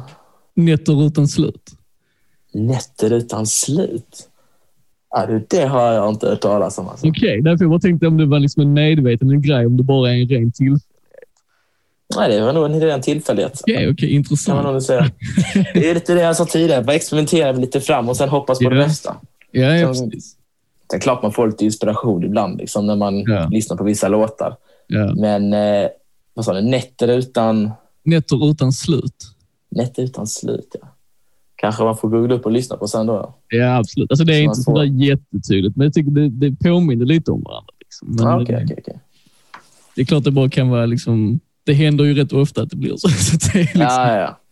det är, Var det en bra låt då? Jo, Nätter utan slut? Nej, Nätter utan slut. nej, den, är, den är fantastisk. Ja, men vad bra. Jag gillar You vet- Det Kan man relatera till. Ja, men vad kul att höra. Men som vi var, pratade lite där om alltså just memories, att du liksom skriver gärna texter och sånt. Att det har varit liksom lite lyckliga minnen. Liksom. Alltså är det, Mm. känner du att det är en större drivkraft att skriva om lyckliga stunder än kanske olyckliga stunder? Ja, på sätt och vis kan man säga det. Eh, för jag känner inte att jag kanske har genomlidit riktigt olyckliga stunder Okej. generellt. Eh, utan de stunder som jag känner liksom har påverkat mig mest är väl egentligen lyckligare stunder liksom på något sätt. Visst, man lär, Mm. visst klart kommer misstag lite då och då. Ja. Under gymnasiet kanske liksom, så var man väldigt beroende kanske av status och då gick man tyvärr till en gräns där man började hitta på saker etc. Och det kommer till slut fram. Sanningen kommer alltid fram. Jag tror ju verkligen tiden på gymnasiet är ju den där man verkligen lär känna sig mest. Lär känna Ja, sig men, bättre ja, men mest. precis. Ja, men precis. Jag känner väl själv att jag var rätt så förlorad, kan man väl säga på något sätt. Jag var lite vilse Ja. eh, i början på gymnasiet. Men sen under tidens gång eh, med de kompisar liksom jag hade så fick jag ändå en eh, bättre förståelse liksom, av mig själv. Mm. Att det här våget att kunna liksom vara sig själv med andra människor. Mm. Att man inte ska behöva liksom låtsas vara någon annan. Nej, precis. Och det liksom märker man ju sen av, exempelvis när, när det gäller exempelvis relationer och sånt, att du måste kunna eh, vara dig själv Mm. kring andra människor som du bryr dig om. Därför att Absolut. är du inte dig själv liksom, så kommer du aldrig kunna älska de andra. Du vet, man måste ju älska sig själv för att kunna älska någon annan. Lite den Ja, men det, tänk. det stämmer på det sättet såklart. Ja, men precis. Att man ska ha den bekvämligheten att vara trygg i sig själv. Liksom. Ja, men precis. Ja. Men jag tänkte på det också, du har skrivit en låt som i princip handlar om filmen Die Hard. Du menar Nakatomi Plaza? ja, precis. Ja, det är, det är lite skämtaktig låt om man får säga så. ja. Den, eh, från grunden eh, så var det inte riktigt min idé. Okej. Utan det var min, eh, det var min farbrors eh, idé från början. Okej. Så vi, vi satt under jul nu i vad var det, nu ett år sedan tror jag. Ett år, Mhm. ja, men typ ett år sedan ungefär, Mm. runt julen 2019. Eh, Så eh, ville han göra en ny låt Ja. eh, med mig. För liksom, då hade vi snackat mycket för mig liksom, att jag hade släppt några låtar Ja. eh, till, under den hösten. Och Då ville han liksom, att det skulle vara die hard-känsla. Det ska vara Nakatomi Plaza, att han trillar, Grobe ska vara liksom. Ja. Så då eh, bara börjar vi. Liksom. Och Då ville han ha en viss typ av genre, han ville ha en viss typ av melodi. Så han testade smått sig fram Mm. eh, med några sådana roliga, roliga melodigångar. Och Sen så fortsätter jag att utveckla liksom, produktionen på det. Ja. Och, eh, sen, alltså sen, I slutändan så blev det ju väldigt bra. Om jag ska vara helt ärlig. Det är egentligen en av de låtarna som jag fortfarande tycker är bland de bästa som jag har gjort. Ja. Ja, det är väl Lite för att den, eh, den är på något sätt rolig tycker jag eh, att lyssna på. Den är lätt att sjunga lite smått med i. Det är liksom bara några ord som sägs. Ja, precis. Eh, och sen tycker jag den har ett så tungt gung, så då Ja. blir det väl en rolig låt om man säger så. Ja. ja, men jag är nog beredd på att hålla med, för det är ju ändå någonting speciellt med den låten. Liksom. Ja. Men om vi fokuserar på liksom texterna, om du då tänker liksom, vad, vad föredrar du egentligen mest? Att skriva kanske lite skämtsammare texter som eh, till Nak- Nakatomi Plaza då, eller kanske som är mer nära dig själv som i You? ja, om man vill säga så här, alltså, de texter som har varit enklast att skriva Ja, är ju de som är mest känslosamma. Därför Ja. då bara rinner orden fram. såklart. Eh, det tog mig kanske bara liksom en kvart att skriva liksom hela ljudtexten, liksom, för jag Ja. visste exakt vad jag skulle skriva om. Precis. Eh, sen klart man kanske hittar lite rim här och där liksom, för att det ska kunna bli lite mer vibe på det. Men Ja, annars så gick det väldigt fort att skriva dem och det, på det sättet är det ju njutbart. Liksom. För du får, ju, du får ju ut känslor på något sätt Ja. kanske som du Ja, liksom uttrycker dagligen. ja. Och jag känner framförallt lite djupare känslor kanske som man har som både kan vara lyckliga och olyckliga. Ehm, är det skönt att skriva ner på ett papper. Så det blir ju på något sätt en eh, meditering av något slag när du sitter där och skriver och sen så kan liksom den texten kanske komma in i en låt eh, på något sätt. Ja, ja såklart ju. Mm. Men när vi har snackat tidigare så har du ju nämnt för mig att du själv inte anser att din sångröst är den bästa. Nej, det, det har jag påpekat. Det, jag känner lite att till en början i alla fall under min barndom så har folk sagt att jag hade en bra röst när jag typ gick i Okej. lågstadiet. ja. Ehm, Men då var, det var ju innan puberteten kom. Så att, eh, det var väl lite en annan värld kan man väl säga åt det hållet. Jo. Ehm, Men sen under tidens gång, för jag har tydligen fått höra av mina föräldrar när jag var rätt så ung, jag var runt åtta också där, vid pianotiden, att de ville ha in mig i kör. Och eh, jag ville tydligen inte det, för jag tyckte det var lite tråkigt. Jag ville hellre spela fotboll eller badminton och andra sporter. Liksom. Jag tyckte sjunga var lite tråkigt. Liksom. Så, det är ju någonting jag lite ångrar ändå att jag sa när jag var liten, för jag känner att i nuläget hade det varit ett guld tillfälle, en guld egenskap eh, att ha liksom möjlighet till en att faktiskt kunna sjunga. Ja, Då hade jag inte behövt ta hjälp egentligen av någon annan alls. nej. För jag känner att lite i nuläget så har jag ändå eh, några andra personer eh, sjungit i mina låtar. Det är ju främst jag, men i ett visst, antal låtar. Eh, Exempelvis min jullåt som jag släppte förra året Ja, eh, sjunger en kompis till mig. Men eh, annars är det ju jag som eh, i största del sjunger liksom in alltihop. ja precis. Och där får man ändå, för mig, visst självförtroendet ökar liksom till ens eh, sångröst. Mm. Men jag har ju liksom ändå fått höra liksom att jag, min röst är inte riktigt ren. Jag kan inte, inte riktigt hålla uppe den eh, tillräckligt ordentligt liksom, för att få den här eh, finare typen av röst, den här professionella rösten man vill höra som man verkligen kan känna att man kan njuta av när man, eh, när man lyssnar på något. Ja, för jag tycker ändå alltså din sångstil och klang tycker jag ändå tillför något i den här musikstilen som Mm. Mm, som du kul. själv nu var inne på. Det är ju en liten oskriven regel att det gärna ska vara liksom perfekt och pitchat in Ja, i minsta detalj. Men Ja. jag tycker ändå liksom du gör ju ändå någonting bra av det du har. Liksom. Vad kul att höra. Det blir man jätteglad över. Ja. Ja, men det är faktiskt sant. Alltså. Men Ja, hur tänker du då i, alltså, i framtiden? Liksom? Alltså, skulle du själv vilja utveckla någon, en sångröst som du kanske själv känner dig mer bekväm i? Eller skulle du hellre vilja ta in folk som sjunger till dig? Alltså, jag, jag känner lite så här, jag, jag får ju testa mig fram. Alltså, jag känner egentligen både och på ett sätt och vis. Eftersom att, att kunna sjunga liksom in alla låtar själv Ja, blir ju en form av känsla man att man har all kontroll precis. över det. Sen kanske inte jag är det absolut största kontrollfreaket, så jag skulle ändå kunna släppa förbi eh, folk liksom som kanske har en riktigt bra röst kanske, och sen kanske göra om melodin lite smått så här, liksom, till sin egen vibe och det kanske, kanske blir ännu bättre. Liksom. Ja. Eh, men jag vill ju gärna kunna sjunga också. För Jag känner att det är lite kul att liksom, sitta där liksom, i sin egen studio och spela in liksom, låtar man själv sjunger. Precis. Men övar du mycket sång då? Alltså, Nej, alltså det skulle jag egentligen inte säga. Utan jag, med tiden, jag har väl under en kort period kanske, eh, under gymnasiet, så gick jag ändå en kurs inom musik. Då. Eh, och un, inom den kursen, där vi då liksom skulle lära oss att spela liksom lite bättre, alla grundinstrumenten och sånt, så, eh, så fick vi också till, eh, tillfälligheten att kunna eh, sjunga också. Okej. Okay. Och då eh, fick jag lite tips på hur man ska typ värma upp rösten för att få den liksom så bra som möjligt. Lite uppvärmningstekniker och sånt för att eh, ge så optimal röst som möjligt. Och det använder ju jag innan jag ska spela in eh, den låt liksom som jag själv ska sjunga i. Och Det har jag ändå känt att det hjälper lite. Man kan ta i lite hårdare utan att liksom rösten fallerar. Man kan ändå hålla vet, rösten lite renare, lite, lite bättre kvalitet på den. Eh, så jag känner att bortsett från det så har jag inga tidigare kunskaper om det. Utan jag har ju bara testat mig fram precis som allting annat i princip. Men brukar du så typ sjunga med i andras låtar som när du lyssnar? Eller det...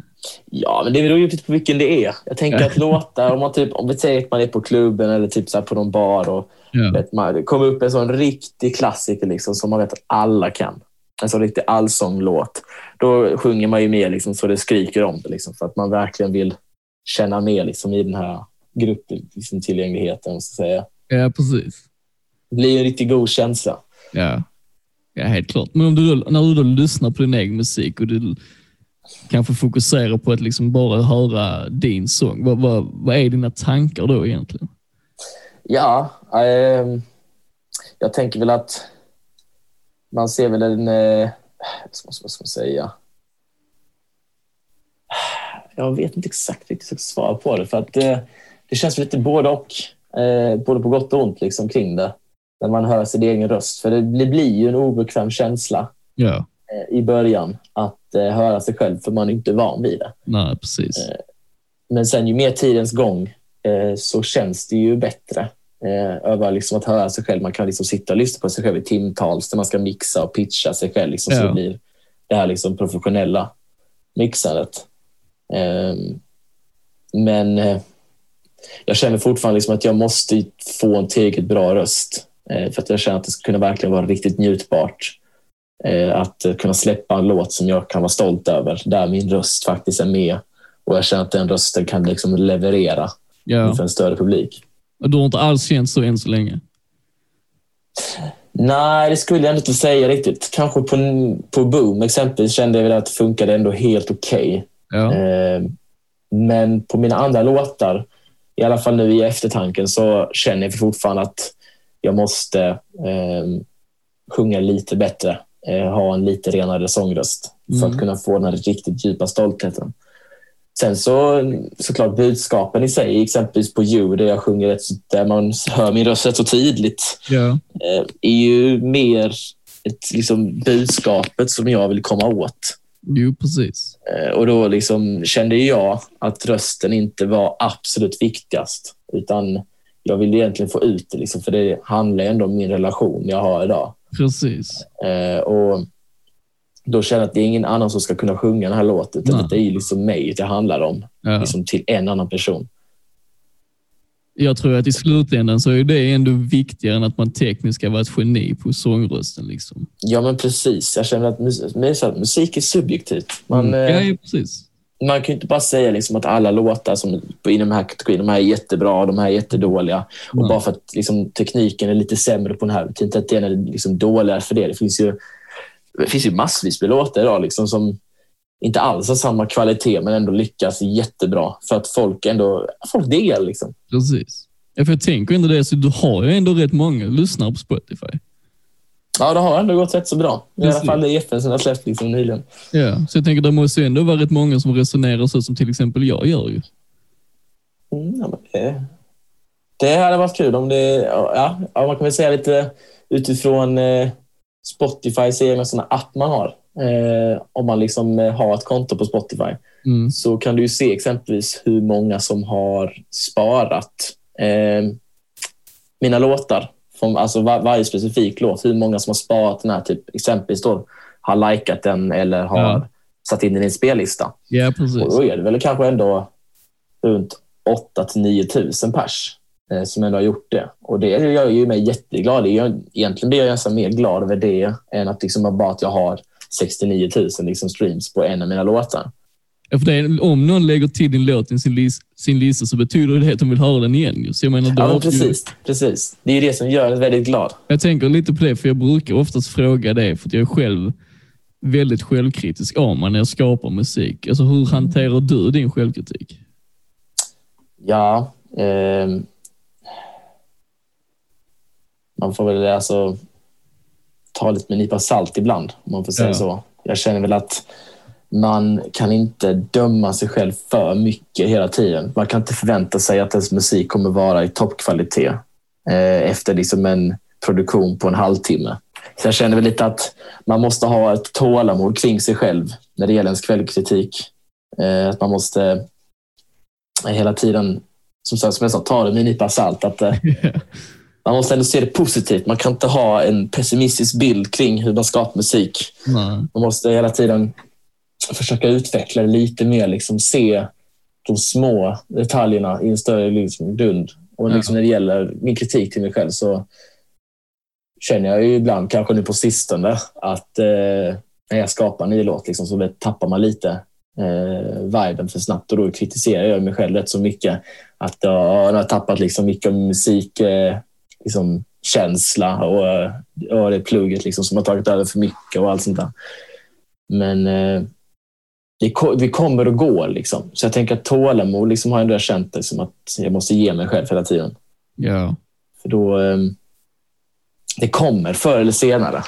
Det, liksom, det går i, eh, i vågor om man säger så. Du har perioder där du verkligen känner att du kan göra hur mycket musik som helst. Ja. Och sen kommer det, det kommer någon månad liksom, där man sitter där och har inte gjort en enda låt och man känner sig helt meningslös. Ja. Alltså självkritiken har liksom aldrig någonsin liksom hindrat dig från att slutföra någonting. Nej, det är inte helt komplett skulle jag vilja säga. Visst, man tar, väl, man tar ju pauser och sånt kan man ju ändå säga. Liksom, att man kanske dras till någonting annat. Man kanske fått kanske ett meddelande från sin kompis eh, och liksom drar vidare dit istället. Ja. Så liksom, jag kommer ju, de flesta låtar som jag gör eh, slutför jag ändå liksom till liksom mån. Det finns vissa undantag som är, där det var riktigt, riktigt dåliga låtar som jag gjorde. Så jag bara, så, vad fan håller jag på med? Liksom. Men eh, annars brukar jag slutföra dem. Framförallt liksom, om du bara hittar en melodi som du bara känner fastnar i huvudet på dig. ja. Och då bara fortsätter, då faller ju saker och ting snabbare och snabbare på plats. Ja. Jo, men så är det ju verkligen. Eh, var skulle du säga att du ser störst utvecklingspotential i dig själv som artist? Eh, hur menar du? Alltså jag tänker liksom just, eh, som vi varit inne lite på innan, liksom just det där med att skriva melodier, kanske mixa, mastra, producera eller sjunga. Alltså vad som. Mm. Alltså vad som har utvecklats mest känner jag, som jag Eller som var jag du känner ser utvecklas mest. störst potential i din personliga utveckling? Jag känner väl att själva kvaliteten i sig, hur du bygger upp en låt exempelvis, själva strukturen. Eh, men framförallt skulle jag ändå säga att eh, tydligheten, hur man ska bygga upp en låt, Ja. har utvecklats mer och mer för en. Därför att jag känner ändå att melodierna eh, kommer, kommer alltid komma och gå. Eh, oavsett. Jag kan skapa en rikt, alltså jag kan skapa kanske den bästa melodin någonsin redan idag. Sen så om tio år, där jag kanske har hur mycket eh, liksom, egen, egenskaper som helst och erfarenheter, kanske kan, inte alls kan skapa samma melodi. Nej. Så jag känner väl ändå att kvaliteten i sig idag när jag lyssnar på en låt, liksom, att jag har en djupare struktur Mm. man hör mer kvaliteten. Liksom. Att, eh, man, får in, man får in känsla liksom, bara att höra eh, självaste melodierna. Man, man behöver inte ens en röst till det. Nej, precis. Jag kan liksom sitta och viba på en, en och samma låt tio gånger liksom, utan liksom, att jag behöver höra rösten. Liksom. Ja. Känner liksom, kvaliteten i låten generellt känner väl har utvecklats mest. Och det är det du kanske känner att du vill utveckla mest också? Ja, precis. För att alltså, utforskandet slutar aldrig. Det, det, är liksom, det är någonting jag bara testar mig fram. Man måste liksom prova och sen uppdatera sig alltid liksom programmet och kanske kommer upp ett nytt sound och så testar man det. Men det som jag hela tiden vill utveckla mig inom, det, det är ju kvaliteten. Att kunna se de här små detaljerna av hur man ska mastra en kick på bästa möjliga sätt. Ut att den, liksom, den, får liksom, den ska styra liksom bitet, men den ska inte ta över alla andra instrumenten. Den här perfekta balansen man vill ha. Och Det gäller alla instrument. som jag känner. Och det, det känner väl egentligen jag eh, att jag hör väldigt mycket om jag jämför en låt jag har liksom gjort precis nyligen till de första jag har gjort någonsin. Men när känner du, när känner du att du är färdig med en låt? Ja du, det är väldigt subjektivt. Alltså, alltså, vissa låtar kan jag, alltså, kan jag säkert spendera dagar totalt, liksom, om vi bara räknar många timmar jag har spenderat på det ja. innan jag känner att den är färdig. Vissa låtar känner jag faktiskt aldrig att jag blir färdig på det. Att det, att det blir någonting jag vill förändra. Ja. Men man har ju lärt sig lite med tiden liksom, att jobbar man så så kommer du aldrig kunna släppa någon låt någonsin. För då kommer du bara sitta där, liksom där och släppa små detaljer. Och jag kan ju tänka mig att alla andra stora artister liksom hittar säkert någonting de ångrar liksom att de hade i låten i efterhand. Ja, ja. Så jag känner liksom att när man har skapat en hel låt, när du har liksom en, två verser, två bryggor, två refränger, kanske ett stick emellan också. Eh, och sen liksom att kvaliteten låter gick bra och man lyssnar sen igenom det och man känner sig nöjd. Det liksom finns inga, inga hopp i låten där liksom det låter ojämnt, där liksom basen tar över eller melodin skriker för mycket. Ja. Skulle ändå jag säga att jag är liksom rätt så nöjd liksom och börjar gå över till att liksom bara masterproducera den lite extra. Ja. Och sen så lägger jag ju undan den liksom i en mp3-fil och påbörjar nästa. Liksom. Så jag har den liggandes redo eh, när jag ska, typ ska släppa EPn eller någonting. Så du låter ändå det gå lite tid och sen går du tillbaka till de låtarna du gjort för att liksom lyssna och se om det fortfarande håller? Ja, men precis. precis. Det är liksom en sak jag har lärt mig från en kompis liksom, som har sysslat med musik väldigt mycket. Ja. Eh, att eh, man ska alltid lyssna på sin musik liksom, några dagar efteråt. Ja. För att du kan tycka alltid att den låter bra i ett visst tillfälle, kanske för att du känner någonting just då. Eh, men om du har en annan känsla, kommer du känna något liknande? Kommer du känna att den här känslan piggar upp dig eller drar ner dig? Ja. Eh, eller kommer du bara liksom få dig att känna dig helt off? Just det, vi pratade om det innan, så just kanske med sån dagsform, att en dag kanske du själv är på ett visst humör som påverkar hur du mottar din egen musik. Liksom. Så mm. Man måste ju alltid ja, men, ha olika exakt. referenspunkter till när man lyssnar. Så att säga. Ja, men precis, precis. Det är klart det är så. Men skulle du, skulle du kunna beskriva ett scenario där din eh, där din musik gör sig som absolut bäst?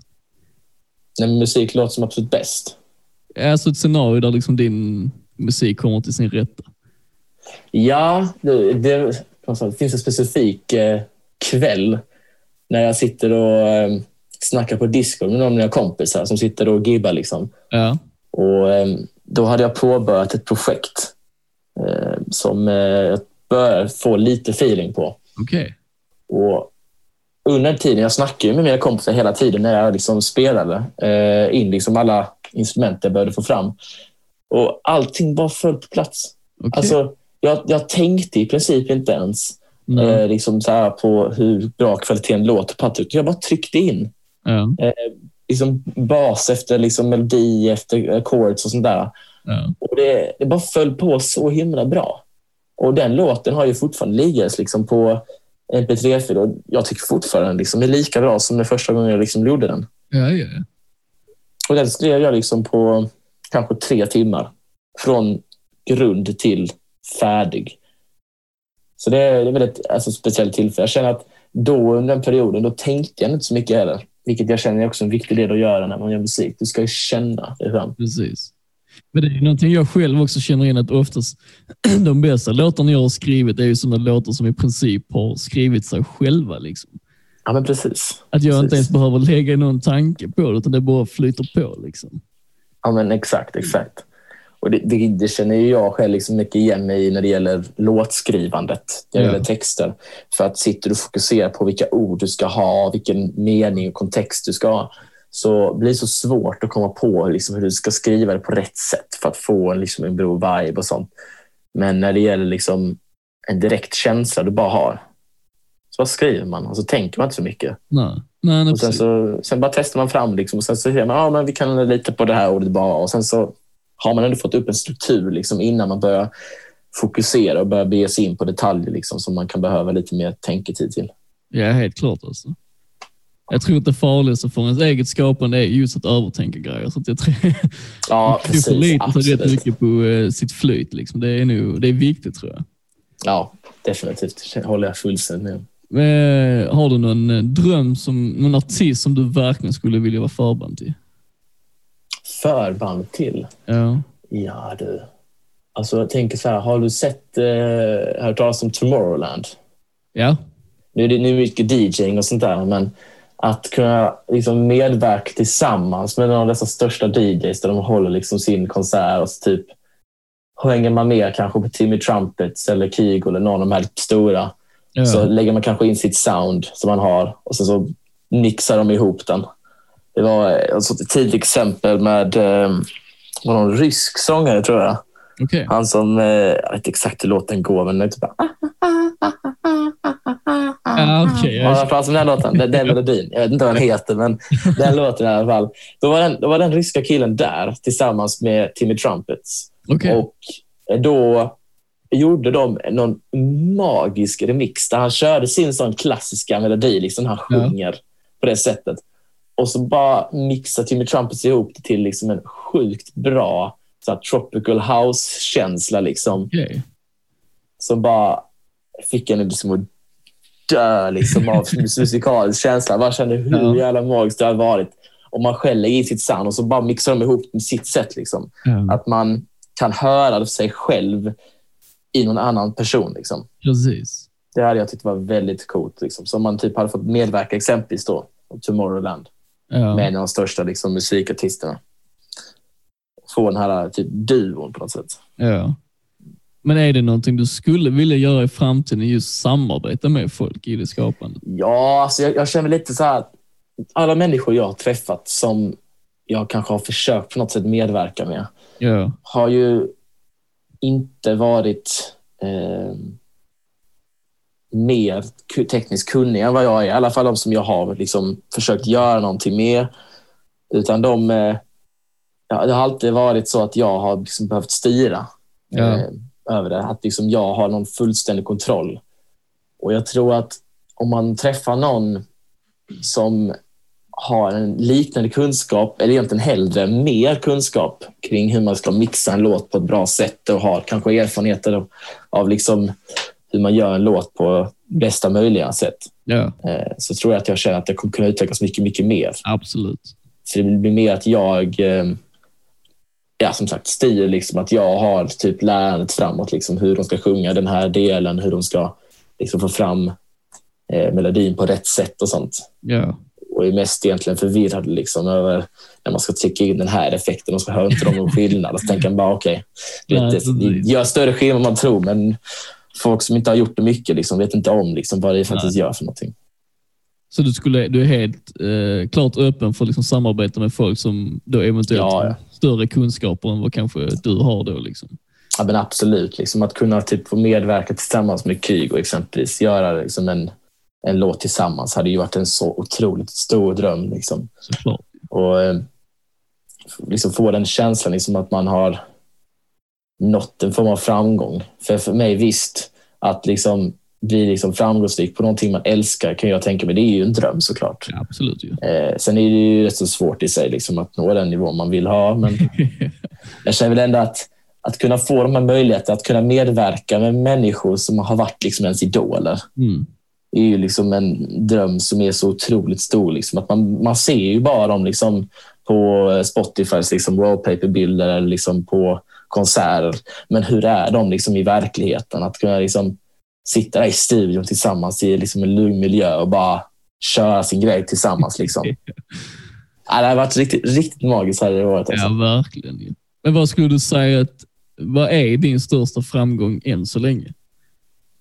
Ja, alltså tittar man liksom på publicitet och sånt, för det är ju en stor del Mm, av absolut. eh, Absolut. musiken, eh, så liksom känner jag att när jag släppte min EP, Mm. eh, visst nu var ju inte alla låtarna liksom guld, femstjärniga guld liksom låtar, men jag känner väl ändå att till exempel då Nakatomi Plaza, eh, framför allt, eh, hade någonting utöver alla andra låtar jag gjort. Mm. Den, eh, jag, har, jag har aldrig tröttnat på den någonsin. Jag har alltid känt att spelar jag upp den låten så blir jag bara glad av den. Och jag känner liksom, det, det är liksom så, jag kan sitta och lyssna på den hur jäkla mycket som helst. Ja. Därför att den har, den har samma roliga känsla liksom, och det har samma tryck som jag ex- exakt liksom vill ha. När, liksom, när jag antingen är hemma, när jag är på gymmet liksom, eller ute och går etc. Ja. Så det funkar. Så jag ska, liksom, den låten generellt är nog det bästa liksom, som liksom har gjorts. Och det är väl att först och främst för att jag hade min då farbror liksom, som, hade, farbror som hade ändå idéer. ja, precis. Därför att liksom, när jag har gjort musik på andra så inte de haft idéer. Utan det är liksom mest på att jag har testat någonting och så frågar man liksom, "Jag låter detta bra? Bara, ja, det låter bra. Ja. Och så, så blir det liksom ingen, det finns ingen feedback. Men Nej. han hade idéer eh, på saker och ting. Och liksom hur melodin skulle vara. Liksom vad han ville ha för typ av genre. Han visade ett exempel på någon sån här Ibiza-låt. Ja. Liksom med en sån riktigt tung eh, house-trumma tillsammans med mig som en bas som hoppar hela tiden. Okej. Och så försökte vi ta lite inspiration därifrån eh, och sen kombinera det med någon typ av Avicii-style på något jag sett, liksom i build-upen och sen totalt dampköra liksom, eh, på refrängen. Det är bara tryck, trycker på med basen liksom, som ska hoppa upp och ner hela tiden. Och så ska trumman slå som bara den. Ja. Så jag känner att den låten generellt är det bästa liksom, som jag känner att jag har gjort. Men det var ju för att det fanns en idé från början. Jag tror att det är någonting man hela tiden måste ha. Jag tror att det är det bästa sättet att kunna göra en bra låt. Har du liksom en, en grundtanke på något sätt, Ja. utgå ifrån den. Eh, både liksom med meningen, med texten, hur liksom du kan, du vet den här idén i huvudet man ska ha. Mm. Eh, så tror jag att det blir mycket lättare att producera fram den och jag tror att du gungar mycket bättre för det är någonting som fastnar i ditt huvud. Ja. Det är jag helt med. Och, ja, men precis. Och jag känner att det var ju det Avicii hade, Ja. tyckte jag. Att han, Jo, ja. han hade idéerna. Det hade han va? Och, ja, och då, då känner man ju lite att när man får de här idéerna liksom, så måste man ju ta, ta nytta till dem exempelvis liksom fullt ut. Jag tror det var typ så att, eh, jag har hört det någonstans, eh, vet Benny i ABBA. Ja. Ja, han eh, har typ så drömt om någonting någon natt. Liksom. Om Ja. någonting texten. Han, han bara vaknade upp mitt i natten av det. Liksom. Han bara skriver det första han gör. För någonting han hade fått i en dröm, Ja. en idé. Men du vet inte exakt vilken låt det är, men det är någon låt har jag för mig som han han har byggt det på liksom, någonting han har drömt om. ja. Men var det inte samma med eh, Keith Richards i Rolling Stones? Ja, det kan det ha Han, varit. tror Alltså. han, eh, han drömde riffet i Satisfaction och sen så gick han upp, skrev det så blev det deras största låt. Ja, alltså, det, det, som du hör, liksom, det är Ja, det helt Det är sinnessjukt. galet faktiskt. Men det är ju det, det som fastnar i våra huvuden, det är det som oftast Ja. brukar gå hem vanligtvis. Visst är det det. Visst är det, det. Ja. Men brukar det vara så för dig då? Eller? Ja, alltså, ibland så känner vi att det finns någon idé. Liksom. Ja. Eh, men sen bygger det också på att du ska kunna få upp kvaliteten på musiken också Ja. kring den här melodin. För en melodi kan inte bara låta bra liksom, i sig om du har liksom, en kass synt ovanpå Nej, det är den. ju helt sant ju såklart. Eller, utan du, måste ju ändå få den här eh, liksom, ljudet att maxa så mycket som möjligt Ja. så att eh, melodin verkligen kan komma fram och visa Precis. sig så att den trycks in i liksom, folks huvuden. Ja. Men hur tror du, alltså om vi tar Avicii som exempel igen. Eh, vad tror du det var med hans melodier som gjorde att han blev så, han blev så enormt framgångsrik? Men Jag tror det beror lite på att först och främst så, han kombinerade ju, eh, kanske var lite på senare tid, men han kombinerade ju genrer Mm, eh, med EDM som var hans huvudgenre. precis. Så exempelvis hans mest framgångsrika låt, Wake Me Up, är ju en country EDM house-låt. Ja. Eller hur? Och liksom, han trodde inte att den skulle bli så stor från början. Utan han hade ju bara liksom den som en sån sample. Han körde liksom. Och sen så eh, satte han ihop den liksom och blev mycket, mycket större än vad han trodde. Och Sen tror jag också att han har mycket akustiska det, element liksom, i sina låtar. Ja. Där eh, pianot egentligen främst dominerar i de flesta. Ja, ja, precis. Och jag tror någonstans där så kickas folk igång, tror jag. Liksom, av att höra vet, riktiga instrument som spelas Ja. i liksom den moderna popens house och EDM. Ja. Eftersom att ofta så brukar det bara vara elektroniska Ja, ja, precis. instrument. Och då blir det ju den här fina kombo. Liksom. Men det är ju samma sak som jag tror jag har hört på någon av era andra, era andra avsnitt på podcasten. Ja. Att eh, livemusik brukar nästan alltid låta lite bättre. Och jag tänker, alltså, instrument blir ju på något sätt ett liveinstrument. ja, ja, absolut. Det är liksom, det, man vet att det liksom finns i verkligheten istället liksom för att det bara har modifierats på en dator. Det är ju, det är ju sjukt vilk, alltså, vilken hit Wake Me Up är. Alltså, det är ju en otrolig låt. Ju. Ja, men precis. Alltså, den, den går ju aldrig tröttna på. Liksom. Och det sättet han lägger ut det på är helt makalöst. Ja, det är sinnessjukt faktiskt. Mm. Så jag tänker att det, det är ju det är någonting han gör liksom på det sättet när det gäller kombinationen av akustiskt och eh, virtuellt. Ja. Eh, och sen också att eh, ja, eh, jag tänker, om vi tar min favoritlåt liksom, hos honom som är Without You. Eh, den eh, tongången han har Mm. eh, från eh, liksom en undre, ett undre Ja. där han liksom går först på ett undre, sen ett lite övre och sen ett ännu högre. Ja. Men sen går han tillbaka igen och så kör han det på ett speciellt sätt eh, emellan liksom varje basgång istället liksom för att bara köra varannan eh, som de flesta bas eh, house-låtar gör. Ja.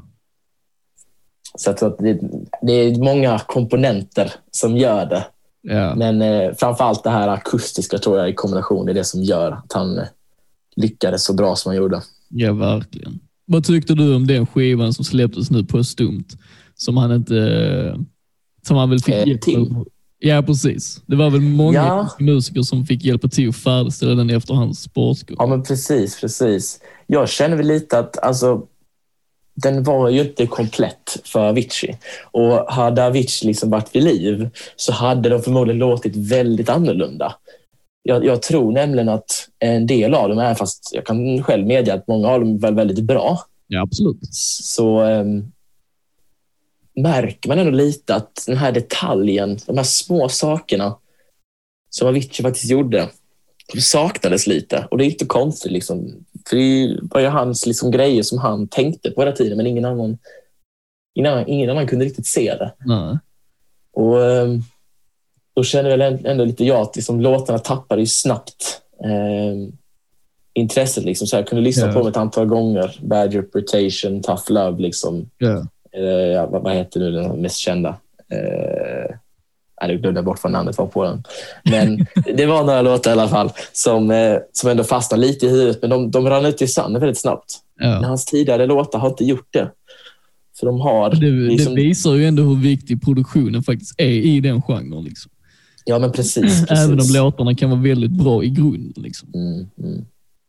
Men alltså jag tänker främst egentligen att man märkte av väldigt tydligt när Avicii inte längre var en del av huvudproduktionen. Ja. Att han inte längre fick färdigställa den. Liksom. Ja. Och då, ehm, och som du själv säger, liksom, att då blir det ju en, en skillnad i liksom, kvaliteten mellan liksom, hur Avicii gör det jämfört med hans kollegor som har gjort det. Eh, alltså att själva soundet Avicii hade försvann till viss del. De hade liksom hans grund, men de hade inte hans själ fullständigt liksom, i låten. Och det, det, är där, det var där det skilde sig. Liksom. Det var, var förmodligen därför den, eh, den fick mycket publicitet och sånt och den gjorde ändå väldigt bra ifrån sig.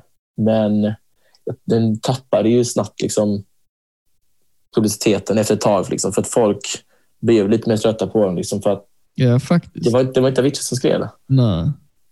Kanske till, ja, för, till viss mån, ja. Men, Det, det kändes som den blev verkligen inte så stor som den hade kunnat bli. Liksom, den skivan. nej, absolut inte. Nej. Det är, det är ju liksom lite kanske ett synd också att man hade velat ha kvar honom. Ja. Eh, om jag säger så. Det hade ju varit så himla liksom, kul att få Ja. veta vad han skulle släppa för nästa skiva. Liksom. För jag, jag kände liksom det här var liksom min... Det här är ju min idol. Och han är ju klart han är fortfarande liksom min idol. Liksom, även fast han inte längre är vid oss så Mm. har ju han inspirerat mig liksom fullt ut gällande liksom hela min egen musikproduktion. Ja. Och det är, ja, om du nu lyssnar på mitt eh, kommande album som förmodligen kommer jag kanske inte ska säga exakt datum, eh, men eh, den är på ingång i alla fall. Det är på ingång, ja. Eh, så är det ändå några av låtarna som är lite Avicii-inspirerade. Mm. Så man kan nog höra att de har ett lite typiskt Avicii eh, som säga, sound på det. Eh, och det är, känner ändå jag, det är någonting som man bara njuter av att lyssna på själv. Ja. När man får den känslan liksom av Avicii spred så blir jag verkligen positivt inställd liksom, in i musik. Jag känner själv att jag liksom kan göra mer musik. Och eh, vill bara liksom fortsätta ha den här, det här soundet liksom igång. För jag känner att han, eh, han kommer förmodligen aldrig glömmas bort. Det kommer han nog inte göra. Han var var unik i sig. Eller hur? ja. Eh, men man vill ju ändå någonstans upprätthålla det lite. Mm. Jag vill ändå ha, ha lite det soundet i baktanken. För jag känner att jag vill att hans, hans, hans sound ska ändå kunna leva vidare. Mm. Förstår du jag menar? Samtidigt som jag bygger upp mitt eget. Men även alltså, en annan sak som ni också har haft gemensamt är ju texterna. Att det är väldigt personliga texter. Ja, men precis. precis. De är ju väldigt, väldigt djupa. Ja, Och det, fick man ju veta exempelvis i dokumentären. att ja, oh, ja. alltså, Flera av dem liksom var ju väldigt, väldigt, väldigt mörka eh, texter som man inte märkte av först. Liksom, som man kan digga rätt så mycket till. Men de ja. har ju en väldigt mörk backstory. Liksom, och ser man ju på dokumentären så såg man ju liksom hur han mådde. Hur eh, mycket panik han hade liksom, över alla spelningar han skulle göra. ja. Och att han kände att han han var inte längre riktigt en människa, liksom så här, utan han var bäst bara en produkt som skulle åka runt och liksom ge pengar till andra. ja. Och, ehm, det är ändå sjukt liksom, hur... Det är ju många som inte märker av det riktigt. ja verkligen. Utan, eller hur? Alltså, de flesta liksom, diggar ju bara mer till liksom, för de känner att ja, det är Aviciis ja, liksom, riktigt bra musik, man diggar mer, man känner av texten, bara kan sjunga. Liksom. Men Ja, när man väl tänker efter så blir budskapet mycket mer personligt. ja. Eh, och man får väl en, en respekt, en väldigt ökad respekt till honom ja. eh, av hur det faktiskt är att vara så stor som han var. Eh, för det är, ju- det är otroligt få människor som faktiskt kan hantera den pressen han hade. Och sen liksom, inte nog att han, han var ju introvert. Mm. Eh, och det liksom blir ju mycket jobbigare för honom, för hans dröm var väl egentligen bara att kunna sitta liksom hemma, släppa sina låtar, skick, skicka dem till skivbolag liksom, som fixar ut med någon känd sångerska. Ja. Liksom. Och sen så, Blev han störst i världen? ja, men precis. Alltså, Liksom, det, det gick lite väl över styr. Liksom. Ja.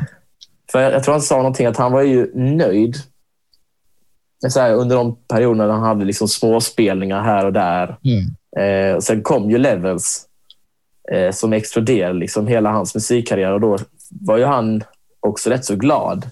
Ja, Men sen när han hade släppt det så började ju skivbolagen kräva mer av honom. precis. Och då började ju långsamt hans eh, säga, ångest någonstans växa liksom inom honom på grund av eh, ja, all press han fick på sig. Precis. Men såg du eh, dokumentären innan eller efter han gick bort? Jag såg faktiskt den innan. Ja. Eh, nej, nej, förlåt mig, förlåt mig. Jag såg den efter. Jag Ja. ja. till dubbel i orden där.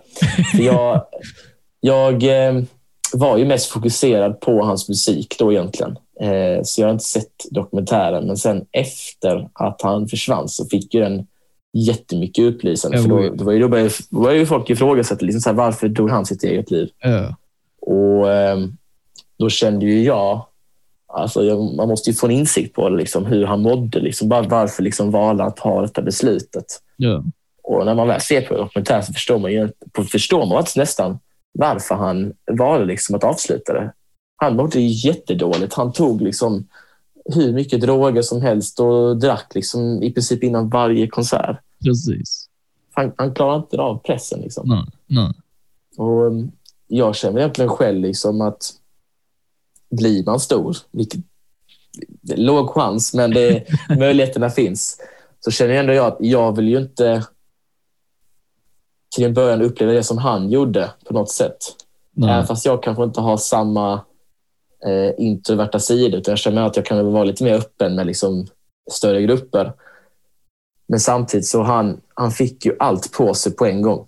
Ja, Eh, han, fick, han fick ju ändå den här låten som verkligen viralt gick från noll till hundra i hans liksom publiciti- publicitativa liv. Ja.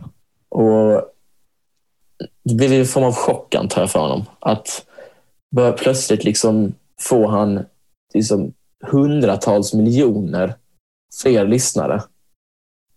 Från ingenstans. ja, det är så Ja, eller ja, ingenstans, men det, det, det, plötsligt växer Det liksom hans snabbt, publik. Ja, men exakt. Det gick för snabbt tror jag. Ja. Det var egentligen det som fick honom tror jag, att inte orka mer.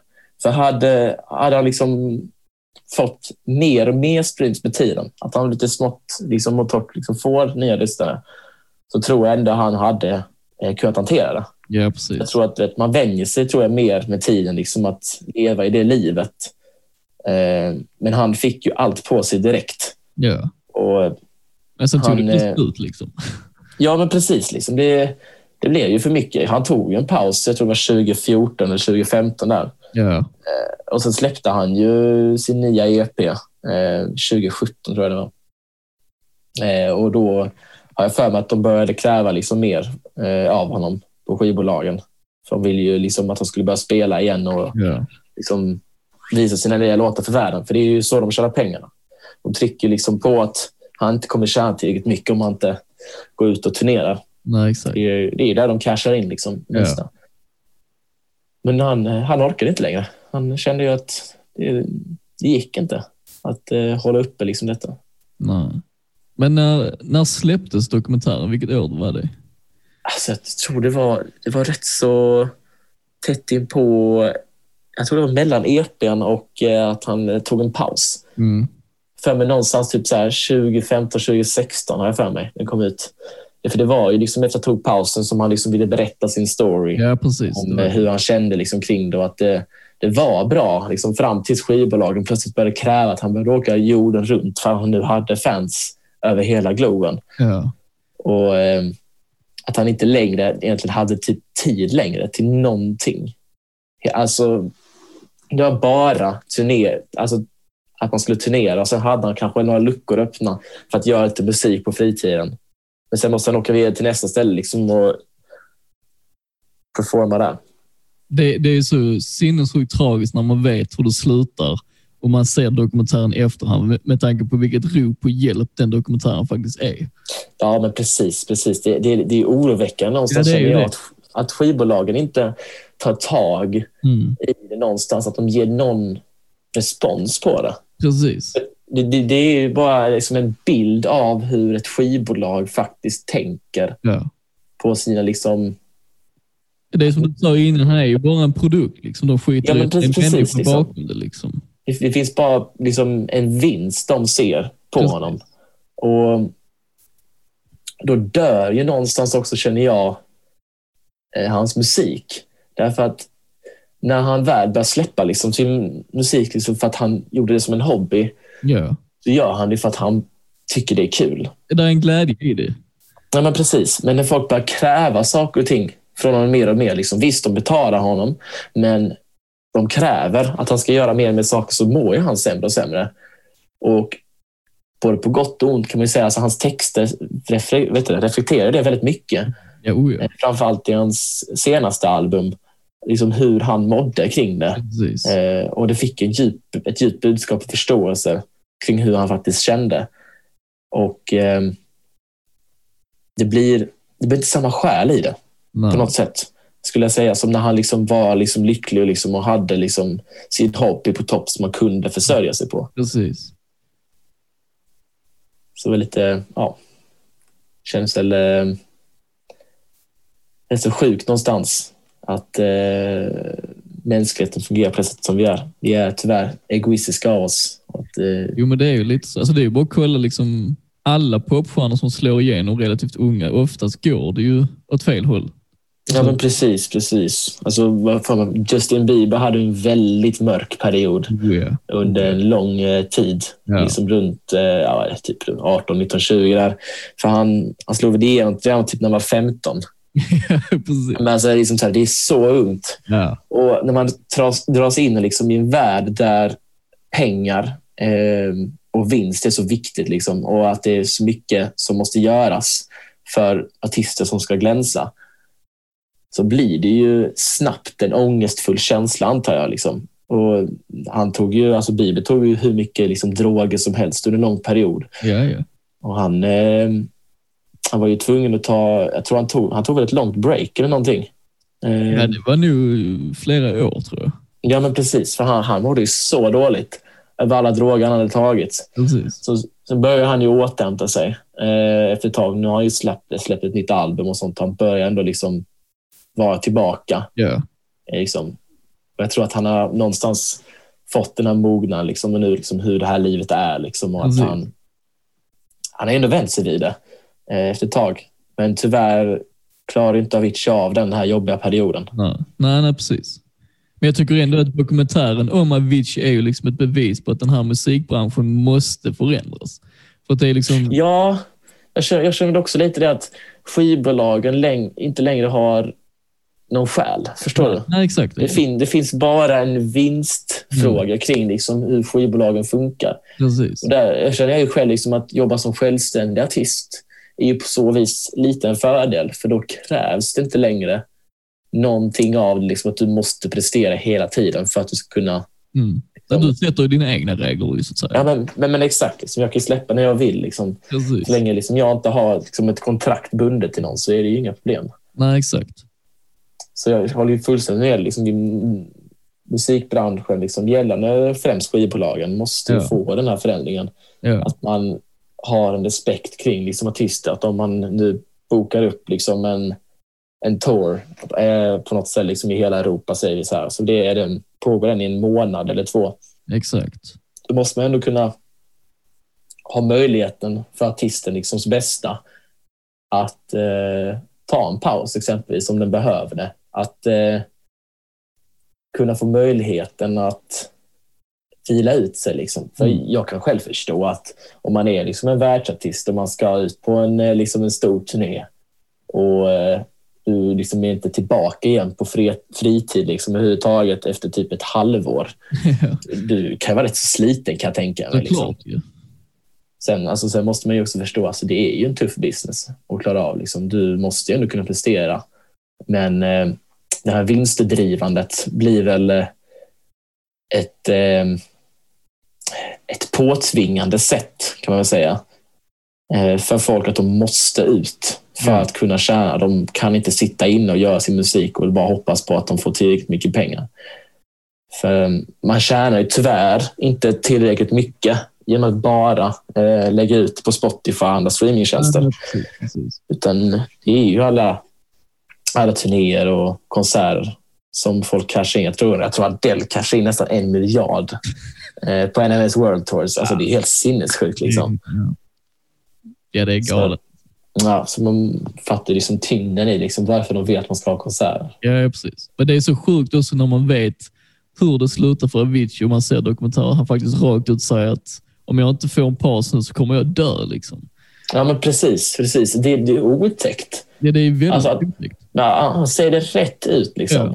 Och när han, eh, jag tror det är någonstans när han är i Las Vegas eller någonting och hans, en av hans managers pratar med honom liksom så här, liksom att han ska röra sig hit till liksom Texas i två veckor, sen röra sig vidare hit. Så här. Och, alltså, man ser ju på honom. Ja, ja, Han, han, mår, han mår så dåligt. precis. Och att man inte ens tänker kring så här, ska vi ta en liten paus? Liksom, så här, behöver du liksom någon vila? Liksom, behöver någon hjälp? Man bryr sig inte. Nej. Det, det Att fanns det är ingen som känsla. gör någonting, liksom, utan bara Nej, fortsätter pressa honom. Liksom.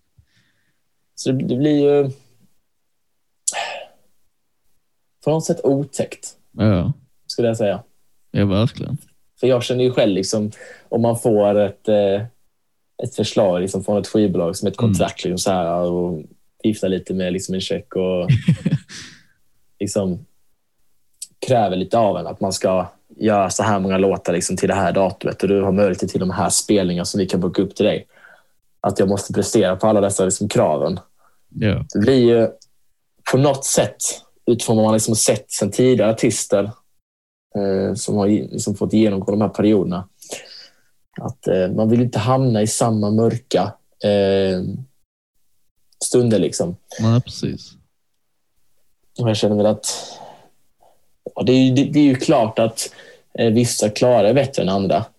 Eh, och då, så som vi har snackat med Avicii flera gånger, liksom, att han hade inte den känslan. Han gillade ju inte att Nej, precis. prestera på scen. Han tyckte det var så himla skönt att bara sitta hemma eller med några kompisar och bara göra musik liksom, i lugn och ro. Och um, ja, känner lite att eh, musiken har väl tagit lite, på något sätt, ett nytt sätt att liksom dra in pengar på. Jag känner att Mm. eh, när det kommer till streamingtjänster och sånt, för vi har ju nu gått mer från eh, från att sälja liksom vinylskivor och sådant. Ja. Det, det, är ju, det är populärt fortfarande idag, men ja, eh, streamingtjänsterna idag är jättestora. Ja, oh, ja. Jag tänker lite att eh, när alla ändå kan lyssna på låtarna, eh, varför måste liksom konserterna fortfarande vara så prioriterade egentligen? ja, då. Jag, jag, jag, alltså, jag förstår att det är ju liksom en jättegod känsla liksom, att sitta och Mm. lyssna på sin favoritartist liksom, med ett folkhav av andra människor Precis. som känner exakt samma grej. ja. Men någonstans tänker jag väl ändå liksom att det blir, eh, det blir svårt att kunna sätta en sån här press på många liksom, om man nu liksom vet vad andra artister har utsätts för. Om man nu inte liksom totalförändrar eh, skivbolagskulturen. Liksom. ja. Därför att det blir ju en form av farlig miljö för artister att vistas i om man inte liksom får en vila eh, mellan, mellanåt. Precis.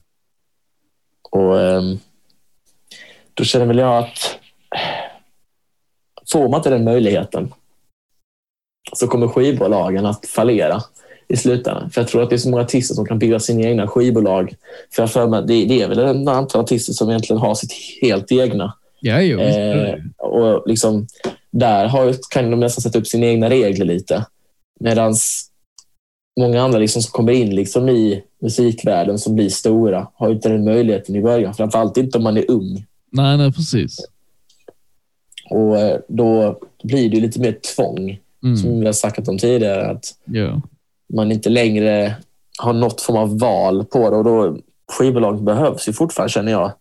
Därför att jag tycker ändå att skivbolagen, de offentliga, liksom, som eh, kan ta kontakt med människor hit och dit istället för att bilda sitt eget. För alla har ju inte de summorna av pengar. Nej, nej, precis. Eh, de behövs för att hitta nya artister. Lite som ni med er podcast. Liksom, så här, söker till nya artister. Liksom. Jag tycker att skiv- skivbolagen behöver liksom, den möjligheten. Ja. Och trycker man verkligen ut varenda liksom, liten egenskap de har eh, och ser inte någonting utifrån deras perspektiv så förlorar ju lite skivbolagen sin själ och den, därefter liksom så att folk kommer inte vilja göra längre. Folk kommer ju liksom i fortsättningen att till större del liksom vara mer självständiga av sig. Eh, och sen kanske boka upp liksom spelningar och sånt för sig själva kanske på olika klubbar. Mm. Därför att skivbolagen någonstans liksom utnyttjar dig, om man får säga så. Jo, precis. Mm. Det känns ju som att vi är ju på väg dit nu. Liksom skivbolagen blir väl mindre och mindre maktfull Ja, men- i eh, hela branschen, så att säga. Ja, men precis. Alltså, när det gäller liksom back in the day liksom, så eh, det var ju svårt liksom, att hitta publicitet, publicitet och sånt. såklart. Och när vi kollar liksom idag, när vi har sociala medier, liksom, du har ju full möjlighet att kunna liksom nå toppen Ja. utan problem, utan Ja. något skivbolag. Och ja, tar vi liksom de tjänster vi har idag, liksom, du kan verkligen se på exempel hur folk får verkligen ingenting. Ja. Får hur mycket stream som helst. Om vi tar ja, TikTok exempelvis, om du har talas om det. ja. eh, är ju en app som är helt makalös när det gäller hur mycket folk som kollar på det. ja. Eh, och jag känner fortfarande klart man ska ju alltid anpassa eh, sitt marknadsförande efter vilka appar som är aktiva. Jo. Men generellt så är ju sociala medier idag som inte fanns då så oerhört effektivt och bra faktor till eh, möjligheten att sprida sin musik. Ja, verkligen. Alltså. Verkligen. Mm. Jag tänkte lite på det, eh, för du har ju sagt att om man ska nå sin dröm så måste man gå hela vägen. Ja. Vad innebär det för dig att gå hela vägen? För att gå hela vägen känner jag för mig är att lyckas du med att upprätthålla liksom din musik Ja. eh, och man lyckas liksom i slutändan med att kunna försörja sig själv på det så ska man inte plötsligt liksom bara tänka att, liksom att nu är jag färdig. Liksom. Nu kan jag bara fortsätta på den här vägen. Ja. Utan att man hela tiden fortsätter försöka ha mer av det. Lite mer publicitet, lite mer folk som lyssnar. Att du ska hela tiden sträva efter att nå en högre topp än vad som redan finns. För jag känner, alltså, världen fungerar lite på det viset liksom att den topp som finns idag kommer förmodligen inte vara den topp eh, om tio år. Ja, nej, det är ju liksom de största musikpersonerna. Liksom, det, det kommer alltid nya människor liksom, som trycker upp och pushar liksom, den här toppen på berget liksom, ännu mer.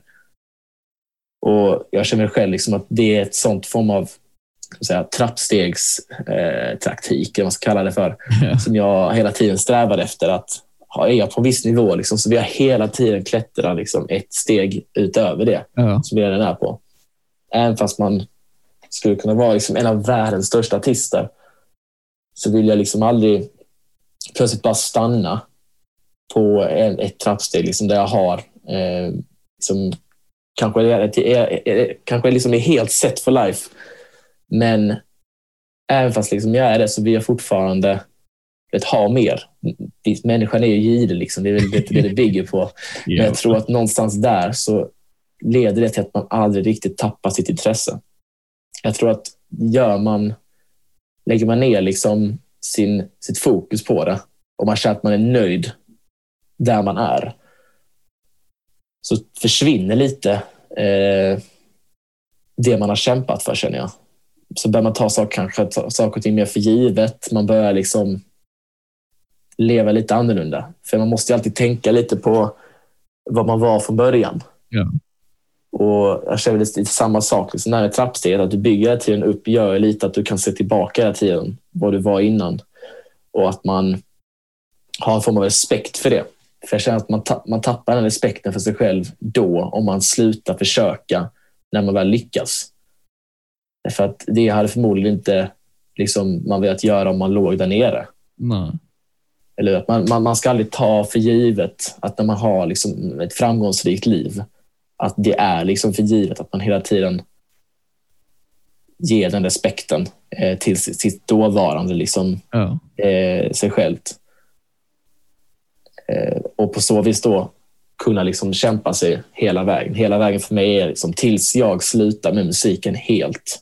Tills jag liksom inte liksom kan sitta framför datorn och liksom klinka lite på pianot Ja. så ska jag aldrig sluta. Det lite det, det, det är väl lite det jag menar. Det känns ju ändå som ett väldigt... Eh, det känns som ett smart sätt att tänka på. Nej, men precis. Det, det känns ju lite som att många, liksom, när de har lyckats, så kör de bara samma grej. Mm. Och sen händer inte så mycket mer. För att folk, många liksom slutar försöka när man har lyckats. Att om man, om man har vunnit liksom tillräckligt mycket på det, att man har liksom en bra buffert liksom med ekonomin och man liksom är framgångsrik åt alla håll och kanter, att man plötsligt ger upp och bara lever liksom sitt liv sen därefter. Ja. ja, man slutar bry sig om konsten. Liksom. Ja, men pre- precis. Jag känner att man, man tappar liksom hela sitt värde i livet. Ja. Förstår du vad jag menar? För, för man tänker så här, man lever bara en, ja, bla bla bla. Så här liksom. Men det är så viktigt tycker jag att man aldrig ska ta för givet liksom, kring det livet man har. Att man helt till fullo ska kunna leva det livet som man vill. Och då tänker jag att gör man det man gillar i livet, hela livet, då, då tycker jag att man har gått hela vägen Ja. orkar man inte mer, man verkligen har ingenting mer att ge, så förstår jag ju samma sak. Då är det samma precis. Då har man gått hela vägen. Precis. Men innan dess så kommer jag aldrig att sluta med att hålla på med musik. För jag känner att det ger mig ändå något, någonting. Det får mig liksom att se någonting positivt. Liksom. Någonting jag fortfarande liksom kan göra som jag känner mig bra på. Någonting liksom som jag vill göra. Eh, Och jag har ju liksom, ja, som sagt känt så sen grundskolan. Ja. Och jag kommer förmodligen fortsätta känna så liksom om 10 år, om 20 år. Även fast det kanske inte är stort så är det fortfarande en hobby. någonting jag gillar att göra. För alltså, jag menar ju inte liksom att, att köra hela vägen behöver inte betyda för mig att jag måste bli framgångsrik. Utan även fast liksom jag har ett standardjobb, liksom, typ så här, historielärare liksom, exempelvis, Ja. så är fortfarande musiken där som en hobby för mig. Ett sätt för mig att kunna njuta av livet. Såklart. Så jag, jag ser det bara som en, jag ser det på sätt och vis som en livsnjutning. Och sen så klart är ju drömmen att om det slår igenom, att jag kan försörja mig själv på det jag liksom älskar liksom att göra. Det som är min livsnjutning så kan det ju i princip inte bli bättre. Liksom. Nej, så är det ju. Nej. Och det känns ju som eh, kloka ord att avrunda detta på, Ruben. Ja, men vad kul. Ja. Mm. Och känner du att du har något annat du skulle vilja tillägga? Eller du... Nej, jag känner faktiskt väldigt nöjd. Jag tycker diskussionen har varit väldigt intressant. Ja, men jag håller med. Jag tror vi fick ut rätt mycket av hur du tänker och resonerar och så vidare. Så att, Kul att höra. väldigt, väldigt kul att höra. Väldigt, väldigt, väldigt roligt att ha den här diskussionen faktiskt. ja, det var ju skitkul. Var det. det är Ja. kul att, du, eh, att eh, det var denna podd som blev din första podd också. Ja, men precis, precis. Så Ja. man tänker tillbaka om tio år. Tänk så är man skitsig liksom. Så står man där. ja, precis. Där stod man liksom från början. Liksom. Ja, exakt. Ja, Ja, men jag, jag tackar eh, så hemskt mycket för att jag fick göra denna intervju med dig. jag tackar själv för att jag fick medverka. Det var mm. otroligt intressant. Ja, det var det verkligen. Ja. Skitkul alltså. Du får ha det så bra så hoppas jag att vi ses någon gång i framtiden. ja, det hoppas jag också på, Gullian. Ja. Så du får, du får ha det så bra. Detsamma, detsamma.